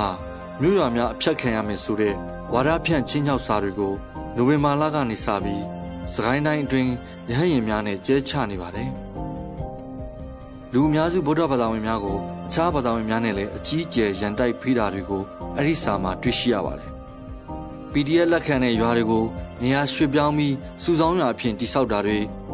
ဒေသခံတွေရဲ့လူမှုဘဝမျိုးစုံကိုထိခိုက်စေမယ်လို့ချင်းချောက်ထားပါတယ်။မင်းတို့မျိုးတွေရွာတွေအပြတ်ခံကြမှာလားတမတော်နဲ့ပေါင်းပြီး PDF ကိုတိုက်ဖြတ်ကြဆိုတဲ့စာသားတွေကိုသုံးငေါက်ချို A4 စာရွက်ပေါ်မှာပုံနှိပ်ထားတာတွေတွေ့ရပါတယ် ဝါဒဖြန့်စာကျဲချတဲ့ဒေသတွေမှာ PDF တို့ရဲ့ပျောက်ကြားတိုက်ခိုက်မှုအားကောင်းပြီးစစ်ကောင်စီတပ်အထိနာနေတဲ့စကိုင်းတိုင်းတွေကပုတလင်ရေဦးရင်းမာပင်ကလေးကနီတစဲမင်းကင်းကံဘလူကျွန်းလာကောလင်းပါဝင်နယ်မြေထိစပ်နေတဲ့မကွေးတိုင်းရောဒေသတို့ပဲဖြစ်ပါတယ်ပြီးခဲ့တဲ့ရက်အတွင်းကလေရင်တန်ဘုံတန်နဲ့ပြစ်ခတ်တန်တွေစူညံနေရကြောင်းအခုရက်ပိုင်းမှာတေးဆုံးပျက်စီးခြင်းမှတ်တမ်းတင်ရင် ဒေသခံတို့ဝါဒဖြန့်စာတွေကောက်ရတယ်လို့သိရပါတယ်။တိုင်းသားလက်နက်ကိုင်ဖွဲ့စည်း EU များနဲ့ပြစ်ခတ်ရစဲရေးကို2022ကုန်ထိထပ်မံတိုးမြင့်သွားမယ်လို့စစ်ကောင်စီဥက္ကဋ္ဌဗိုလ်ချုပ်မူကြီးမင်းအောင်လှိုင်ကပြောပြန်ပါတယ်။စစ်ကောင်စီဥက္ကဋ္ဌဟာမြန်မာနိုင်ငံကိုအလဲသဘောနဲ့ခီးစဉ်ရောက်ရှိနေတဲ့ကမ္ဘောဒီးယားဝန်ကြီးချုပ်နဲ့တွေ့ဆုံပြီးသက်ဆိုင်ရာနိုင်ငံများရဲ့နောက်ဆုံးဖြစ်ပေါ်တိုးတက်မှုများနဲ့ဆက်လင်းပြီးရှင်းလင်းပြောကြားရမှာအခုလိုပြောခဲ့တာဖြစ်ပါတယ် စစ်ကောင်စီဥက္ကဋ္ဌကဝန်ကြီးချုပ်ဟွန်ဆန်ကိုမြန်မာနိုင်ငံအစိုးရအနေနဲ့တိုင်းသားလက်နက်ကိုင်အဖွဲ့အစည်း EAO များနဲ့2022ခုနှစ်ဖေဖော်ဝါရီလကုန်ထိအပြစ်ခတ်ရက်စဲကြောင်းကြီးညာခဲ့ပြီးဖြစ်ပြီး2022ခုနှစ်ထပ်မံတိုးမြင့်သွားဖို့ကိုလည်းအတီးပေးပြောကြားခဲ့ပါတယ်ဆက်လက်ပြီးတိုင်းရင်းသားများအားလုံးအနေနဲ့နိုင်ငံပြည်သူများနဲ့အကျိုးစီးပွားကိုရှေ့ရှုပြီးပြစ်ခတ်ရစဲမှုကိုလက်ခံရန်အကြမ်းဖက်လုပ်ရများအားလုံးကိုအဆုံးသတ်ရန်နဲ့တတ်နိုင်သမျှထိန်းထိန်းသိမ်းသိမ်းဆောင်ရွက်ကြဖို့ကိုလည်း စစ်ကောင်စီဥက္ကဋ္ဌကတောင်းဆိုခဲ့တာကိုတွေ့ရပါတယ်။အဲဒီနောက်မှာဝန်ကြီးချုပ်ဟွန်ဆန်ကလည်းမြို့သားဖွံ့ဖြိုးတိုးတက်ရေးနဲ့ရေရှည်တည်တဲ့ငြိမ်းချမ်းမှုရရှိစေဖို့သက်ဆိုင်တဲ့သူတွေကြားအပြုသဘောဆောင်တဲ့ဆွေးနွေးမှုများပြုလုပ်ရင်းနဲ့တင်းမာမှုများလျှော့ချရေးတို့ကိုရည်ရွယ်တဲ့အဲ့ဒီတောင်းဆိုမှုတွေပေါ်ခိုင်မာစွာထောက်ခံတယ်လို့သိရပါတယ်။သူ့လူသူတော်မစည်းရုံးနိုင်တော့အရင်ကအတိုင်းပဲအကြံကုန်ဂလုံးစားချက်လုပ်ရတော့တာပါပဲခင်ဗျာ။ ဝါဒဖြန့်ရင်ပြည်သူကယုံကြည်မယ်ထင်တဲ့အတွေးကိုဒီကောင်တွေးနေတာပြည်သူတွေဘလောက်ထိမုန်းတီးနေလဲဆိုတာစကားအများကြီးပြောဖို့မလိုတော့ပါဘူးဗျာ။ရောဒေတာကံကောင်းမြို့နယ်တွေကမောက်လင်းရွာနဲ့ကြော်ရွာဝန်းကျင်ကိုဝါဒဖြန့်စာကျဲချတဲ့နေ့ကဒီဇင်ဘာလ9ရက်နေ့ဖြစ်တယ်လို့သိရပါတယ်။စစ်ကောင်စီကအဲ့ဒီဒေသတွေမှာသူတို့ရဲ့ဩဇာတက်ရောက်မှုရှိနေသေးတယ်လို့ယူဆတာကြောင့်ဝါဒဖြန့်စာကျဲချမှုတွေမလုပ်သေးတာဖြစ်နိုင်ကြောင်းတော်လိုင်းအဖွဲ့များကသုံးသပ်ကြပါတယ်။ မြို့သားဒီမိုကရေစီအဖွဲ့ချုပ် NLD အစိုးရမဖျက်သိမ်းခဲ့တဲ့ပြန်ကြားရေးဝန်ကြီးဌာနရုပ်သံရေဒီယိုသတင်းစာတွေကလည်းစစ်ကောင်စီရဲ့စိတ်ကြိုက်ဝါဒဖြန့်ချီလမ်းကြောင်းတွေဖြစ်နေတာကိုတွေ့ရပါတယ်။မြို့သားဒီမိုကရေစီဖွဲ့ချုပ်အစိုးရခေတ်ဘာသာရေးလှုပ်ဆောင်မှုတွေကိုပြောင်ကြားကြထောက်ခံခဲ့တဲ့စစ်ဗိုလ်ချုပ်တွေကလည်းအခုရဲရင်မှာကျဲချနေတဲ့စာရွက်တွေမှာအလားတူတွေးထိုးလှုံ့ဆော်မှုတွေထည့်ထားတာကိုတွေ့ရပါတယ်။တွေးထိုးလှုံ့ဆော်စာတွေမကပါဘူးဘာသာရေးမှိုင်းတိုက်တာတွေလည်းပါပါသေးတယ်။ ကချင်လွတ်မြောက်ရေးတပ်မတော် KIA နဲ့ကမ္ဘာအစ္စလာမစ်အဖွဲ့ချုပ် OIC တို့ကကူညီထောက်ပံ့နေတယ်လို့လည်းအဲ့ဒီဝါဒဖြန့်ချီရေးမှာရေးသားထားတာတွေ့ရပါတယ်။ OIC ကမ္ဘာအစ္စလာမစ်အဖွဲ့ချုပ်ကဗုဒ္ဓဘာသာချင်းချင်းတပ်ဖြတ်အောင်ဝါဒဖြန့်သာသနာကိုစော်ကားရဟန်းတန်ဃာတွေကိုတပ်ဖြတ်အောင်နောက်ွယ်ကငွေကြီးနဲ့လက်နက်ခဲရင်ထောက်ပံ့လျက်ရှိတယ်လို့ဆိုပါတယ်။နိုင်ငံရေးပြည်နာများကိုနိုင်ငံရေးဆွေးနွေးခြင်းဖြင့်အဖြေရှာရန်တိုင်းရင်းသားလက်နက်ကိုင်၁၀ဘွဲ့ပေါင်းစုဖွဲ့စည်းထားတဲ့ PPSC အဖွဲ့ကဇန်နဝါရီလ6ရက်နေ့မှာကြေညာချက်တစ်ခုထုတ်ပြန်ထားပါတယ်။2021ခုနှစ်ဒီဇင်ဘာလအတွင်းဖြစ်ပွားခဲ့တဲ့ကယားပြည်နယ်ဖရူဆိုကိစ္စလေကိကောငင်းငင်းရေးမြို့တစ်ကိစ္စနဲ့ဒေသအသီးသီးရှိအမျိုးသမီးများကလေးများနဲ့တက်ကြီးရွယ်အိုများအပါအဝင်ရက်သားတွေပေါ်အကြမ်းဖက်စစ်ကောင်စီရဲ့လူမဆန်စွာပြုမှုကျူးလွန်ခဲ့တဲ့ကိစ္စတွေကိုပြင်းထန်စွာကန့်ကွက်ရှုတ်ချတယ်လို့သိရပါတယ်။ငင်းငိုင်းလုပ်ငန်းစဉ်ဥဆောင်အဖွဲ့ PPSD စီဝေး 23မြင်းဆောင်2022ဖော်ပြချက်အရ2021မှာနိုင်ငံရေးပြဿနာများကိုနိုင်ငံရေးနည်းနဲ့မဖြေရှင်းဘဲအင်အားသုံးဖြေရှင်းတဲ့အတွက်ပြည်သူများတည်ဆုံခြင်းဒုက္ခမျိုးစုံရောက်ခြင်းလူမှုစီးပွားနှိမ့်စင်းခြင်းလူငယ်များအနာဂတ်ပျောက်ခြင်းတွေကိုဝန်းနေတယ်လို့ဖော်ပြထားပါတယ်2020မှာလွတ်လပ်ငြိမ်းချမ်းတဲ့ဒီမိုကရေစီအရသာပြန်ခံစားနိုင်ဖို့ Federal Democracy ပြည်ထောင်စုတည်ဆောက်ရေးကိုဝိုင်းဝန်းပါဝင်ကြပါရန်ထုတ်ပြန်ချက်မှာဖော်ပြထားပါတယ် နိုင်ငံတကာအဖွဲ့အစည်းများကုလသမဂ္ဂကိုယ်စားလှယ်အာဆီယံနိုင်ငံအပါအဝင်နိုင်ငံတကာဂျားဝင်စည်းစပ်မှုတွေကိုလက်တွေ့ကြကြဆောင်ရွက်ရေးကြိုးပမ်းသွားမယ်လို့ PPSC ထုတ်ပြန်ချက်တွေမှာတွေ့ရှိရပါတယ်။တိုင်းရင်းသားပြဿနာတွေကိုဆွေးနွေးဖြေရှင်းလို့ခြင်းမရှိဘဲအင်အားသုံးဖြေရှင်းတာတွေကိုတွေ့ရပါတယ်။အရင်ကာလတစ်လျှောက်လုံးနဲ့အခုကာလတွေမှာလည်းမြန်မာစစ်တပ်နဲ့တိုင်းရင်းသားလက်နက်ကိုင်တပ်ဖွဲ့ကြားမှာစစ်ပွဲတွေကြာလေပြင်းထန်လေဖြစ်မယ်လို့တွေ့မြင်နေရပါတယ်။အ စိတ်သားကိုအဝင်းဝိုင်းနဲ့ဆွဲသွင်းကြတဲ့ကစကလေးကရင်တကိုဆိုသလိုဖြစ်နေပါပြီ။မြန်မာစစ်တပ်ကိုနိုင်ငံရေးကနေမဖယ်ထုတ်ဘဲစစ်ဝစ်စုံနဲ့နိုင်ငံရေးဆက်လုပ်နေမယ်ဆိုရင်မြန်မာနိုင်ငံရေးစက်ခုံကတော့ရေစုံမြောရတော့မှာပဲဖြစ်ပါတယ်ဒါရင်မဟုတ်သေးပါဘူးဒီစစ်တပ်ကိုအမြစ်ကနေလှန်မရမှာဖြစ်ပါတယ်ဗိုလ်ချုပ်တီထောင်ခဲ့တဲ့စစ်တပ်ဆိုပြီးနှမျောနေလို့မရပါဘူးပုတ်ပြဲရည်ရွယ်နေပြီးအတွင်းကနေလှိုက်စားနေတဲ့အနာကိုအ ကြီးလံမှရမယ့်အနေအထားမျိုးဖြစ်ပါတယ်မြန်မာနိုင်ငံရေရှည်တည်တံ့မှုဆိုရင်တော့တမတော်တည်းရမဖြစ်မနေရှိဖို့လိုအပ်ပါတယ်အဲ့ဒါကတော့ပေါ်ထွန်းလာမဲ့ Federal ပြည်ထောင်စုကြီးကတိုင်းရင်းသားပေါင်းစုံပါဝင်တဲ့ Federal ပြည်ထောင်စုတက်မတော်ပဲမဟုတ်ပါလားခင်ဗျာ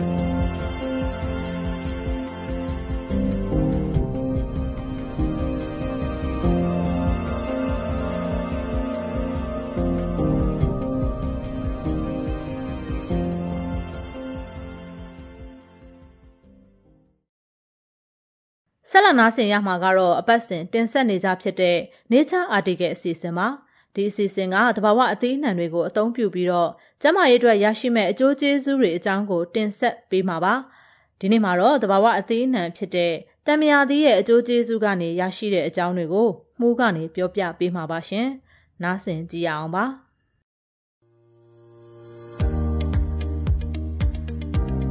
အာရောချန်ပရမလာပဲကျမချင်းဟာလက်ကြီးတစ်ပါးပါ အမြဲတမ်းကျမနေဖို့ကိုမိမိရဲ့နေထိုင်ရာပတ်ဝန်းကျင်ကနေလွယ်လွယ်တကူရနိုင်တဲ့သဘာဝအသေးနှံတွေကတာဝန်အပြည့်အဝယူပေးနိုင်နေဆိုတာကိုသိသိပါသလားသဘာဝအသီးနှံတွေကိုအသုံးပြုပြီးကျန်းမာရေးအတွက်ရရှိနိုင်မယ့်အကျိုးကျေးဇူးတွေအကြောင်းကို Nature's Article အစီအစဉ်ကနေတင်ဆက်ပေးသွားမှာပါ။ဒီကနေ့မှာသဘာဝအသီးနှံဖြစ်တဲ့တမယာသီးရဲ့အကျိုးကျေးဇူးရအကြောင်းတွေကိုတင်ဆက်ပေးသွားမှာပါ။ချင်းမီဂရင်းရှင်းစေတဲ့တမယာသီးလေးက တစ်တက်တိုးဆက်ကျအာနိသင်ကျွဲပါရီ cells တွေကိုဓာတ်တိုးပစ္စည်းတွေကြောင့်ထိခိုက်ပျက်စီးတာမျိုးမဖြစ်အောင်အထည်ရောက်ဆုံးကာကွယ်ပေးနိုင်ပါတယ်။ဓာတ်တိုးဆန့်ကျင်ပစ္စည်းတွေများပြားတာက cells တွေကိုပျက်စီးစေနိုင်တယ်လို့နှလုံးရောဂါ၊စီးချိုနဲ့ကင်ဆာလိုမျိုးနာတာရှည်ရောဂါတွေကိုဖြစ်စေနိုင်ပါတယ်။တံမြာသီးမှာတော့ဓာတ်တိုးဆန့်ကျင်ပစ္စည်းတွေကျယ်ဝစွာပါဝင်နေတာကြောင့်ခန္ဓာကိုယ်က cells တွေကိုလည်းကာကွယ်ပေးတာမဟုတ်ဘဲနာတာရှည်ရောဂါတွေမဖြစ်အောင်ပါကာကွယ်ပေးမှာပါ။ နှစ်ကိုခံအားကောင်းစေနိုင်တယ်။တံမြာသီးမှာဗီတာမင် C ကျယ်ဝတာကြောင့်ကိုခံအားကိုအကောင်းဆုံးအားဖြည့်ပေးနိုင်ပါတယ်။ဗီတာမင် C ကသွေးဖြူဦးဆုံး stress ရှိမှုကိုတိုးစေဖို့ကူညီပေးပြီးတော့ခန္ဓာကိုယ်ကိုယောဂပိုးတွေဝင်ရောက်ကူးစက်တာမျိုးမဖြစ်အောင်အထိရောက်ဆုံးကာကွယ်ပေးပါတယ်။ဗီတာမင် C ကအနာကျက်မြန်စေသလိုရောင်ရမ်းမှုကိုတက်တာစေပြီး collagen ထွက်လာမှုကိုလှုံ့ဆော်စေသလို cells တွေကိုတက်တိုပစ္စည်းတွေကြောင့် ထိခိုက်တာမျိုးမဖြစ်အောင်အကောင်းဆုံးကာကွယ်ပေးပြီးတော့ကိုယ်ခံအားကိုမြင့်တင်ပေးပါတယ်။၃အရေးပြားကျန်းမာစေနိုင်တယ်။တံမြာသီးကအသားရည်ကိုကျန်းမာလှပစေဖို့အကောင်းဆုံးအားဖြည့်ပေးပါတယ်။ဗီတာမင် C ပါဝင်သလို collagen ထွက်ရှိမှုကိုလှောင်ဆော်ပေးပါတယ်။အရေးကြောင်းဖြစ်တာကိုလျော့ပါစေပြီးအသားရည်ခြောက်သွေးမှုကင်းပြီးအရေးပြားပြဿနာကင်းစေပါတယ်။အသက်အရွယ်ကြောင့်ဖြစ်တဲ့အရေးပြားပြဿနာတွေကိုလည်းအထူးအောင်ဆုံးကာကွယ်ပေးပါတယ်။၄နှလုံးရောဂါကာကွယ်ပေးတယ်။ နှလုံးရောဂါကကမ္ဘာပေါ်မှာသေဆုံးမှုအမြင့်ဆုံးရောဂါတစ်ခုပါ။ဒီပြဿနာကနေကုတ်ကုတ်ကိုကာကွယ်ဖို့ဆိုရင်ဗီတာမင် C ကျော်ဝတဲ့တမယာသီးကိုစားပြီးလို့ရပါတယ်။ဗီတာမင် C ကျော်ဝတဲ့တမယာသီးကသွေးပေါင်ခြင်းကိုထိန်းညှိပေးပြီးနှလုံးရောဂါမဖြစ်အောင်ကာကွယ်ပေးပါတယ်။သွေးကြောရည်ထဲမှာအဆီရိစုပုံနာမျိုးမဖြစ်အောင်လည်းကာကွယ်ပေးပါတယ်။နှလုံးသွေးကြောကျဉ်းတာမျိုးမဖြစ်အောင်လည်းကာကွယ်ပေးပါတယ်။ငါကြောက်ကက်ကြောက်မတဲအောင်ကာကွယ်ပေးတယ်။ တံမြာသီးကကြောက်ကက်ကြောက်မတဲအောင်ကာကွယ်ပေးပါတယ်။တံမြသီးမှာပါတဲ့ citric acid ကကြောက်ကက်ကြောက်မတင်အောင်အထီးရောက်ဆုံးကာကွယ်ပေးပါတယ်။ 6. တန်တက်ဆုပ်ယူမှုကိုမြင့်တင်ပေးတယ်။တန်တက်ကသွေးနီဦး source တွေအတွက်လိုအပ်တဲ့အာဟာရဓာတ်တွေကိုထောက်ပံ့ပေးတယ်လို့ခန္ဓာကိုယ်ကိုအောက်ဆီဂျင်ထောက်ပံ့တာကိုအားဖြည့်ပေးပါတယ်။ကိုရင်းမှာတန်တက်နေမယ်ဆိုရင်ခြေကုံလက်ပန်းကြတာအသက်ရှူရခတ်တာမျိုးတွေခံစားရနိုင်တယ်လို့စံသားနဲ့အသားရည်အတွက်ခြောက်သွေးပါတယ်။ ဗီတာမင်စီကတော့ခန္ဓာကိုယ်ကိုတန်တက်ဆုပ်ယူမှုကောင်းစေပြီးတော့သွေးရနဲ့ယောဂါမဖြစ်အောင်ကာကွယ်ပေးပါတယ်။ခွန်ကင်ဆာအချို့ဖြစ်နိုင်ခြေကိုရှော့ချပေးတယ်။ကင်ဆာယောဂါကိုကာကွယ်ခြင်းနဲ့ဆိုရင်တမယာသီးလိုမျိုးဓာတ်တိုးဆန့်ကျင်အာနိသင်ကျွဲဝါးတဲ့အသီးနှံကိုစားပေးသင့်ပါတယ်။လေ့လာမှုတွေအရတမယာသီးကကင်ဆာမဖြစ်အောင်ကာကွယ်ပေးသလိုကင်ဆာ cells တွေကြီးထွားမလာအောင်ဟန့်တားပေးနိုင်ပါတယ်။လေ့လာမှုအရတမယာသီးကဥမကြီးကင်ဆာ၊လေကြောင်းကင်ဆာ၊ ပန်ကရိယကင်ဆာ၊ရင်သားကင်ဆာတို့ကိုကောက်ွယ်ပေးနိုင်တယ်လို့တွေ့ရှိခဲ့ရပါတယ်။အခုတင်ဆက်ပေးခဲ့တာကသဘာဝအသီးနှံဖြစ်တဲ့တမယာသီးရဲ့အကျိုးကျေးဇူးရအကြောင်းတွေကိုတင်ဆက်ပေးသွားခဲ့တာပါ။နောက်တစ်ပတ် Nature's Article အစီအစဉ်ကနေဘယ်သဘာဝအသီးနှံရဲ့အကျိုးကျေးဇူးရအကြောင်းတွေကိုတင်ဆက်ပေးသွားမလဲဆိုတာကိုစောင့်မျှော်နားဆင်ဖို့ဖိတ်ခေါ်ရင်းဒီတစ်ပတ်ရဲ့အစီအစဉ်ကနေနှုတ်ဆက်လိုက်ပါတယ်။နားဆင်ပေးခဲ့ကြတဲ့ပရိသတ်များအားလုံးကိုကျေးဇူးထူးပဲတင်ရှိပါရရှင်။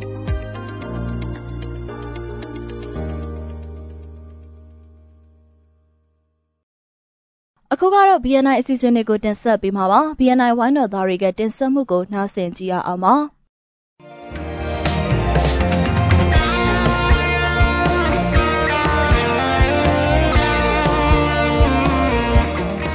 မင်္ဂလာပါရှင်နိုင်ငံတကာမြန်မာသတင်း BNI ရဲ့ဇန်နဝါရီလ12ရက်နေ့အသံလွှင့်အစီအစဉ်တွေကိုစတင်နေပါပြီဒီအစီအစဉ်ကတော့တိုင်းသားဒေသတွေတဲကသတင်းတွေတိုင်းသားတွေရဲ့အသံနဲ့အမြင်တွေကိုစုစည်းတင်ဆက်ပေးထားတာဖြစ်ပါတယ် နေ့စဉ်မြန်မာစံတော်ချိန်ညနေ9:55မိနစ်ကနေ9:00ခွဲအထိလိုင်းတူ16မီတာ19.3မီဂါဟက်စ်မှာဖမ်းယူနားထောင်နိုင်ပါတယ်ကျွန်မကအာမီပါ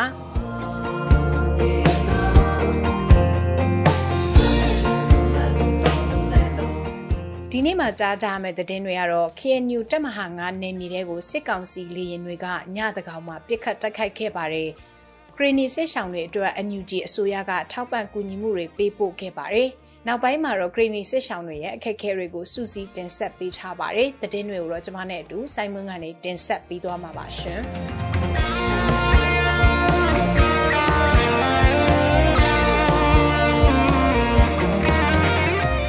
ကရင်မျိုးသားစီယုံ KNU မူတတော်ဖာပွန်ခရိုင်တပ်မဟာ9နယ်မြေကိုစစ်ကောင်စီဘက်ကဒီမနေ့တနင်္လာလောက်ကလေရင်နဲ့တွားရောက်ပစ်ခတ်တိုက်ခိုက်ခဲ့တဲ့အတွက်ဒွယ်လိုမျိုးနယ်ရှိဝါခတဲစေးရုံအဆောက်အဦတွေပြက်စီးသွားတယ်လို့ KNU တာဝန်ရှိသူတွေကပြောပါတယ်။လာရောက်တိုက်ခိုက်တဲ့လေရင်မျိုးစားကိုအတိအကျမသိရသေးပေမဲ့မနေ့ပိုင်း12:45မိနစ်အချိန်ကဖြစ်တဲ့တကောင်ကျော်အချိန်မှာ ရန်ကုန်တိုင်းမော်ပီမြို့နယ်ထဲကကြက်တိုက်လေရင်တွေပြန်တန်းထွက်ခွာသွားတဲ့အတန်ကြားလိုက်ရတယ်လို့ဒေတာခန်တွေက KIC သတင်းဌာနကိုပြောပါတယ်အချိန်2မိနစ်ခန့်တာကြာမြင့်တဲ့အဲ့ဒီတိုက်ခိုက်မှုမှာလေရင်ပုံ၅လုံးပစ်ချသွားခဲ့ရာတွယ်လိုမြို့နယ်ရှိဝါခတ်တဲစေးရုံကိုနှလုံးထိမှန်ပောက်ကွဲခဲ့ပြီး လေကိထကျေးရွာမှာလည်း၃လုံးကြားရောက်ပောက်ကွဲခဲ့တယ်လို့သိရပါတယ်။နိုဝင်ဘာလနောက်ပိုင်းကစပြီးစစ်ကောင်စီတပ်ဖွဲ့တွေကကချင်ပြည်နယ်ဖားကန့်မြို့နယ်နဲ့အင်းတော်ကြီးမြို့နယ်တွေထဲမှာညတကောင်အကြိမ်လေရင်နဲ့တိုက်ခိုက်မှုတွေဆလုပ်လာတာဖြစ်ပါတယ်။ခရီနီပြည်နယ်အတွင်းကစစ်ပေးရှောင်တွေအတွက်အမျိုးသားညီညွတ်ရေးအစိုးရ NUG ကနေထိုင်းဘတ်ငွေ3သိန်းမြန်မာငွေသိန်း150လောက်ကိုခရီနီပြည်အတိုင်ပင်ခံကောင်စီ KSCC ကနေတဆင့်ထောက်ပံ့ပေးနေတာတွေရှိတယ်လို့ခရီနီပြည်အတိုင်ပင်ခံကောင်စီ KSCC ရဲ့ပြောရေးဆိုခွင့်ရှိသူ ဦးအောင်ဆန်းမြင့်က ပြောပါတယ်။ကရင်နီပြည်နယ်မှာ လက်ရှိအချိန်ထိ စစ်ဘေးရှောင်3သိန်း9000အထိရှိနေပြီးတော့စစ်ရှောင်တွေအတွက် နေ့စဉ်စံအိတ်တထောင်ကျော် လိုအပ်နေတယ်လို့ သူက ဆက်ပြောပါတယ်။မြို့ပေါ်တိုက်ပွဲတွေ ပြင်းထန်လာတဲ့အတွက် လွိုက်ကော်မြို့နယ်မှာတော့ လူဦးရေ3ပုံ2ပုံလောက်က မြို့ကိုစွန့်ခွာပြီးတော့စစ်ဘေးရှောင်နေကြရပါတယ်။စစ်ရှောင်တွေအနေနဲ့ ကိုလွတ်ယုံပြေးနေရတဲ့အတွက် လုံလောက်တဲ့ ရိတ်ခါတွေ မပါသွားတာကြောင့် အခက်ခဲတွေ ရှိနေတယ်လို့ တိုးတက်သောဂရနီပြည်သူအင်အားစု PKPF တာဝန်ရှိသူတယောက်ကပြောပါတယ်။ NUG အနေနဲ့စစ်ဘေးရှောင်တွေအတွက်စားနပ်ရိက္ခာအရေးပေါ်အသုံးဆောင်ပစ္စည်းတွေနဲ့ငွေသားတွေလူဒန်းခဲ့တာရှိပြီးစုစုပေါင်းငွေကျပ်3,900ကျော်ထောက်ပံ့မှုရှိခဲ့တယ်လို့ထုတ်ပြန်ချက်မှာပါရှိပါတယ်။တိုက်ပွဲတွေပြင်းထန်နေတဲ့အတွက်စစ်ဘေးရှောင်တွေများပြားလာတဲ့ဂရနီပြည်နယ်မှာတော့အကူအညီတွေလိုအပ်နေဆဲဖြစ်ပါတယ်ရှင်။ ရှမ်းပြည်မြောက်ပိုင်းကြောက်မဲနဲ့ဒီဘောမြို့နယ်ကြာမန္တလေးမူဆယ်ပြည်ထောင်စုလာမကြီးနီးမှာတိုင်ရင်တာလက်နက်ကင်ချင်းချင်းထိတွေ့တိုက်ပွဲနေ့စဉ်နီးပါဖြစ်ပွားနေပါတယ်။ ကြောက်မဲနဲ့ဒီဘောမြို့နယ်အစပ်ဖြစ်တဲ့ချောင်းချောက်နောင်အန်းဘိမနကြံခင်နမ်ဝန်ကျင်ဒီစတဲ့ကျေးရွာတွေမှာပြီးခဲ့တဲ့ရက်ပိုင်းကစပြီးအခုလိုအချင်းချင်းတိုက်ပွဲဖြစ်ပွားနေတာပါ။ပြီးခဲ့တဲ့ဆန်မလာရှရက်နေ့ညနေပိုင်းကကြောက်မဲဒီဘောကြားဒီဘောမြို့နယ်ဂျင်ဒီဂျေးရွာအုပ်စုအတွင်းတိုက်ပွဲပြင်းထန်ခဲ့ပြီးခရီးတဲ့ရင်နှစင်လဲလက်နဲ့စထိမှန်ခဲ့ပါတယ်။အဲ့ဒီတိုက်ပွဲမှာဒေသခံပြည်သူတွေဒီဘောပေါ်ကြိုဘုံကြီးကျောင်းကိုထွက်ပြေးတင်းရှောင်လာတာဟာ ဒီကနေ့ဆိုရင်ရှစ်ရှောင်ဦးရေ300ကျော်ရှိပြီဖြစ်တယ်လို့သိရပါတယ်။တပင်လက်ရှိတိုင်းဒါလက်နဲ့ကင်ချင်းချင်းတိုက်ပွဲဖြစ်ပွားနေတဲ့နေရာနဲ့အနီးတစ်ဝိုက်မှာဖြစ်တဲ့ဂျေးရွာတွေကနာပင်ကောင်းဟုံးလွယ်စာနဲ့အခြားဂျေးရွာတွေဘက်ကိုတိုက်ပွဲကူးဆက်လာမှာကိုစိုးရင်လင်းကိုဒေတာခန်တချို့ထွက်ပြေးတင်းရှောင်နေတာလည်းရှိတယ်လို့သိရပါတယ်။ DNI Radio က သတင်းတွေကိုတင်ဆက်ပေးနေတာဖြစ်ပါတယ်။နေ့စဉ်မြန်မာစံတော်ချိန်ညနေ9:15မိနစ်ကနေ9:00ခွဲအထိ line to 16မီတာ19.3 MHz မှာဖမ်းယူနားထောင်နိုင်ပါတယ်။ရခိုင်တပ်တော် AA နဲ့ဆက်ဆက်တဲ့ဆိုပြီးအကြမ်းဖက်မှုပုံမှန်တွေနဲ့တရားစွဲဆိုခံနေရတဲ့ရခိုင်ပြည်နယ်ပုံနာကျွန်းမြို့နယ်က ကြောက်စိတ်ကြေးရွာသား9ယောက်ကိုမနေ့ကစစ်တွေခရိုင်တရားရုံးမှာအကြမ်းဖက်မှုပုံမှန်နဲ့ဆွဲချက်တင်လိုက်ပြီလို့အမှုကိုလိုက်ပါဆောင်ရွက်ပေးနေတဲ့ရှေ့နေဦးလှအောင်သိန်းကပြောပါတယ်။သူတို့9ယောက်ကိုလာမယ့်ဇန်နဝါရီလ19ရက်နေ့မှာထပ်ပြီးတော့ရုံးချင်းစစ်ဆေးသွားမှာဖြစ်ပါတယ်။ဆွဲချက်တင်ခံလိုက်ရတဲ့သူတွေကတော့ကိုညီညီအောင်24နှစ်ကိုမျိုးလိုင်ဦး24နှစ်ကိုမောင်ချေ24နှစ်ကိုမင်းစိုး38နှစ်နဲ့ ကိုကျော်ဝင်းဟိန်း22နှစ်တို့ဖြစ်ကြပါတယ်။သူတို့ဟာပြီးခဲ့တဲ့2020ခုနှစ်ဧပြီလ19ရက်နေ့တုန်းကကြောက်စိတ်ကြေးရွာသား38ယောက်ကိုစစ်တပ်ကဖမ်းဆီးခဲ့ရမှာပါဝင်ခဲ့သူတွေဖြစ်ကြပါတယ်။ဒီလိုမျိုးဖမ်းဆီးပြီးတဲ့နောက်ရွာသား33ယောက်ကိုတော့ပြန်လည်လွတ်ပေးခဲ့ပေမဲ့ကျန်တဲ့9ယောက်ကိုပုံနာကျိုးမြို့ခမရ905တရင်ကဗိုလ်ကြီးတင်နိုင်ထွန်းကတရလိုလုပ်ပြီးတော့အကြမ်းဖက်မှုတိုက်ဖျက်ရေးဥပဒေပုံမှန်90ည 52ကကြီးရိုနဲ့စစ်တွေခရိုင်တရားရုံးမှာ2020ခုနှစ်မေလ22ရက်နေ့မှာတရားစွဲဆိုခဲ့တာဖြစ်ပါတယ်ရှင်။ကိုရီနီပြည်နယ်ထက်ကတိုက်ပွဲအတွင်းစစ်ကောင်စီတပ်ကပြည်သူတွေကိုပြစ်မှတ်ထားတိုက်ခိုက်နေတဲ့အတွက်အရက်သားပြည်သူအချို့အကာအကွယ်ပေးနိုင်မယ့်အခင်းကျင်းတစ်ခုကိုနိုင်ငံတကာအတိုင်းဝိုင်းကဖန်တီးပေးဖို့ ဂရီနီအမျိုးသားတိုးတက်ရေးပါတီ KNP ဘက်ကတောင်းဆိုလိုက်ပါတယ်တိုက်ပွဲအတွင်းအပြစ်မဲ့ပြည်သူတွေကိုပြစ်မှတ်ထားပစ်ခတ်နေမှုဟာလူသားမျိုးနွယ်စုအပေါ် genocide ethnic cleaning ပုံစံလွင်ရာရောက်တဲ့အတွက်လူထုအတွက် safe zone တစ်ခုရှိတင်တယ်လို့ဂရီနီမျိုးသားတိုးတက်ရေးပါတီ KNPP အတွင်းရေးမှူးနှင့်ဦးအောင်စမ်းမင်းကပြောပါတယ်လက်ရှိဂရီနီပြည်နယ် KNPP ထိန်းချုပ်ရဒေသတွေတာမကလွယ်ကော်တီမောဆိုဖရူဆိုစတဲ့မြို့ပြတွေမှာလည်းတိုက်ပွဲဖြစ်ပွားလာတဲ့အတွက် ဒေသခံပြည်သူတွေစစ်ကောင်စီတပ်ကပစ်ခတ်တဲ့တိုက်ခိုက်မှုတွေကိုတိမ်းရှောင်နေရတယ်လို့လည်းဦးအောင်ဆန်းမင်းကဆက်ပြောပါတယ်စစ်ကောင်စီတပ်ကမြေပြင်တိုက်ခိုက်မှုအပြင်ဝေဟင်တိုက်ခိုက်မှုပါအစစ်မပြတ်လှုပ်ဆောင်လာတဲ့အတွက်တိုက်ပွဲကြားရှိပြည်သူတွေထိခိုက်ဒေဆုံးမှုနဲ့တန်ရရရှိမှုအများအပြားရှိလာနေတယ်လို့ KNB ဘက်ကပြောပါတယ်ပြီးခဲ့တဲ့ဇန်နဝါရီလ9ရက်နေ့ကကုရီနီမျိုးသားတိုးတက်ရေးပါတီကုရီနီမျိုးသားကာကွယ်ရေးတပ်မတော် KNDF ကုရီတပ်မတော် KA ဒေတာခံပြည်သူ့ကာကွယ်ရေးတပ် PDF ပူးပေါင်းတပ်တို့နဲ့စစ်ကောင်စီတပ်တို့အကြားဖြစ်ပွားခဲ့တဲ့လွယ်ကော်မြို့အတွင်းကတိုက်ပွဲတွေမှာဆိုရင်စစ်ကောင်စီတပ်ရဲ့ပစ်ခတ်မှုကြောင့်ဒေတာခံပြည်သူ6ဦးသေဆုံးပြီး3ဦးထိခိုက်ဒဏ်ရာရရှိတယ်လို့သိရပါတယ်။အဲ့ဒီသေဆုံးမှုရှိလာတဲ့အတွက်နိုင်ငံတကာအတိုင်းဝိုင်းကစစ်ရေးပြိပက္ခအကြားမှာရောက်ရှိနေတဲ့ပြည်သူတွေကိုအကာအကွယ်ပေးနိုင်ဖို့အတွက်အခင်းကျင်းတစ်ခုကိုဖန်တီးပေးဖို့တောင်းဆိုရတာဖြစ်တယ်လို့ KNB ဘက်ကဆိုပါတယ်။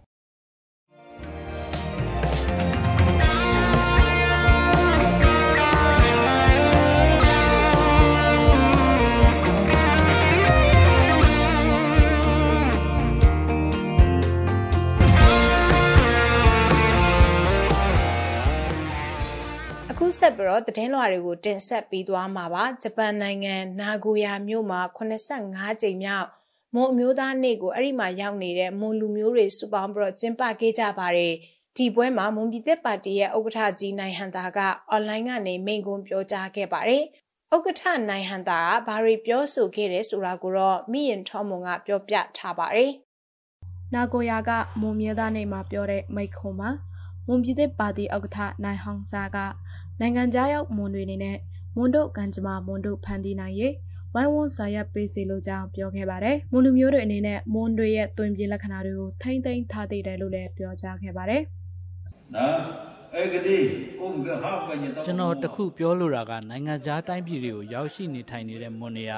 နိုင်ငံခြားမှာပဲပျော်မွေ့ရုံမနေသင့်ပါအဲ့ဒီမှာနေထိုင်ပြီးအိမ်တော်ရဲ့သားကြသားသမီးရတော့လေတခြားလူမျိုးဖြစ်သွားပြန်ရောအမေရိကန်ကနေဒါရောက်မွန်တွေ တချို့မွန်တွေကသူတို့သားသမီးတွေမွန်စကားမတတ်ကြဘူးမွန်အ ਨੇ ချင်းစုပြီးနေထိုင်တဲ့နေရာလောက်မှာပဲကြံတော့တာဒါကြောင့်နိုင်ငံသားမှာပဲသွားပျော်မွေ့နေုံတသက်မဖြစ်ပါစေနဲ့မွန်လူမျိုးများအနေနဲ့နိုင်ငံသားရဲ့တိုင်းပြည်တွေမှာပျော်မွေ့နေရုံနဲ့မကျေနပ်သေးပဲမွန်တို့ကန်စမမွန်တို့ဖန်တီးနိုင်ရေးဝိုင်းဝန်းဆောင်ရွက်ကြစီလိုကြောင်းလည်းထည့်သွင်းပြောကြားခဲ့ပါတယ်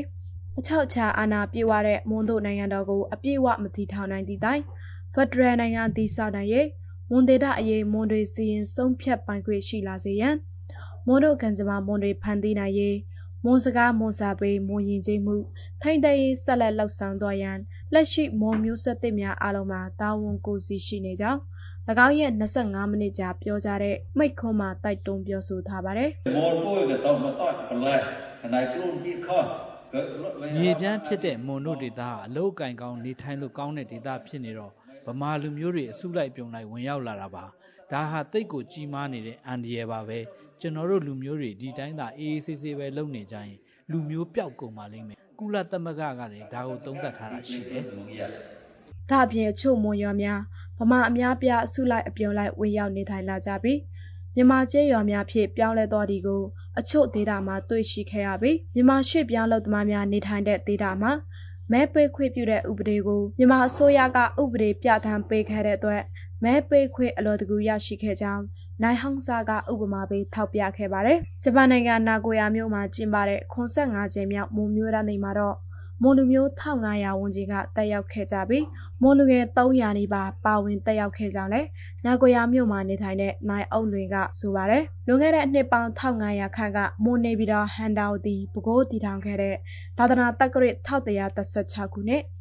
တပုတ်တွဲလိုက်ပြီးကျော်တရနေ့ကိုအစွဲပြုပြီးတော့မွန်မျိုးသားနေ့ကိုတတ်မှတ်ကျင်းပခဲ့တာဖြစ်ပြီးအခုနှစ်ပြက်ကလေးရဖေဖော်ဝါရီလ16ရက်နေ့မှာမွန်မျိုးသားနေ့85ကြိမ်မြောက်ရှိခဲ့ပြီဖြစ်ပါတယ်။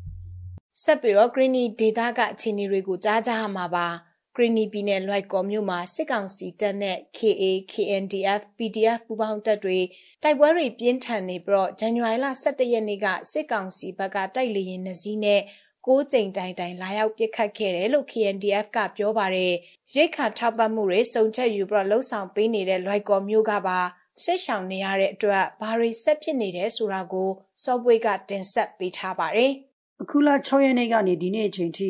မြို့တော်လွိုက်ကော်ဘက်မှာနှစ်ဖက်ကြားတိုက်ပွဲတွေပြင်းပြင်းထန်ထန်ဖြစ်ပွားနေတဲ့အတွက်ဒေသခံပြည်သူတွေကနေအိမ်တွေကိုစွန့်ပြီးစစ်ဘေးလွတ်ရာတောတောင်တွေထဲအပြင်ရှမ်းပြည်နယ်တောင်ပိုင်းကမြို့တွေစီစစ်ဘေးရှောင်နေကြရပါတယ်လို့ဒုက္ခသည်အရေးကူညီသူတူကပြောပါတယ်အာငကိုလောက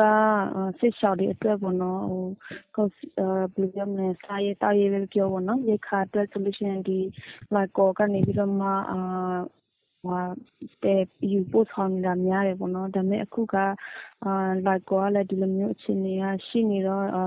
ရိက္ခာကလည်းသယ်လို့မရတော့ဘူး။ကိုယ်စီစစ်ဆေးမှုကလည်းမရှိတော့ဘူး။အဲလိုမျိုးဖြစ်နေတဲ့အခါကျတော့ကျမတို့အတွက်နည်းနည်းတော့ခက်ခဲတယ်ပေါ့နော်။ခက်ခဲတယ်။စစ်ရှောင်တွေအတွက်ဆိုပိုပြီးတော့မှခက်ခဲတယ်ပေါ့။”စစ်ဘေးရှောင်တွေအတွက်အခြေခံစားသောက်ကုန်တွေဖြစ်တဲ့ဆန်၊ဆီ၊ဆား၊ဟင်းချက်စရာတွေအပြင်ဆေးဝါး၊စောင်၊အဝတ်အထည်နဲ့နေစရာနေရာ၊ တဲအတွက်အမိုးအကာတွေအကုန်လုံးအရေးပေါ်လိုအပ်နေတယ်လို့ပြောပါတယ်။ကရင်နီပြည်နယ်ထဲမှာတောရောမြို့ပါမကျန်တိုက်ပွဲတွေပြင်းပြင်းထန်ထန်ဖြစ်ပွားလာတဲ့အတွက်ပြည်နယ်လူဦးရေရဲ့ထက်ဝက်ကျော်ကနေရပ်စွန့်ခွာထွက်ပြေးနေကြရပါတယ်။တိုက်ပွဲတွေကြောင့်ဒေသခံပြည်သူတွေထွက်ပြေးနေရမယ့်နေရာတောင်မရှိတော့ဘူးလို့ကိုယ်တိုင်လည်းစစ်ရှောင်ဖြစ်တဲ့သူကပြောပါတယ်။ ထားပြီးတော့မှရွှေ့မယ်ဆိုရင်တော့ဒီနယ်နယ်ခြားပေါ့နော်ဒီ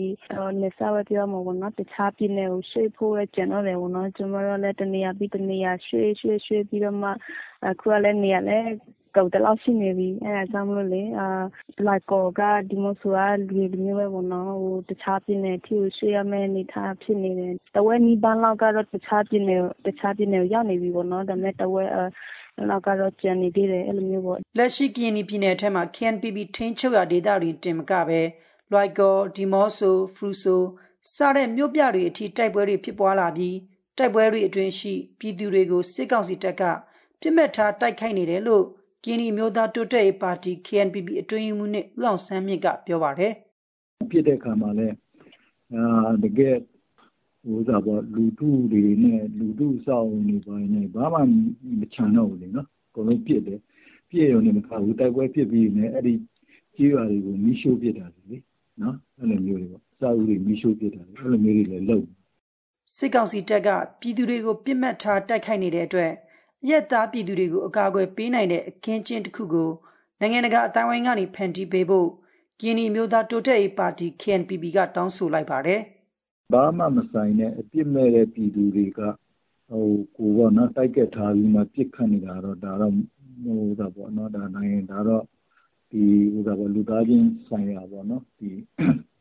ရာဇဝတ်မှုလည်းမြောက်တယ်။လူသားမျိုးနွယ်စု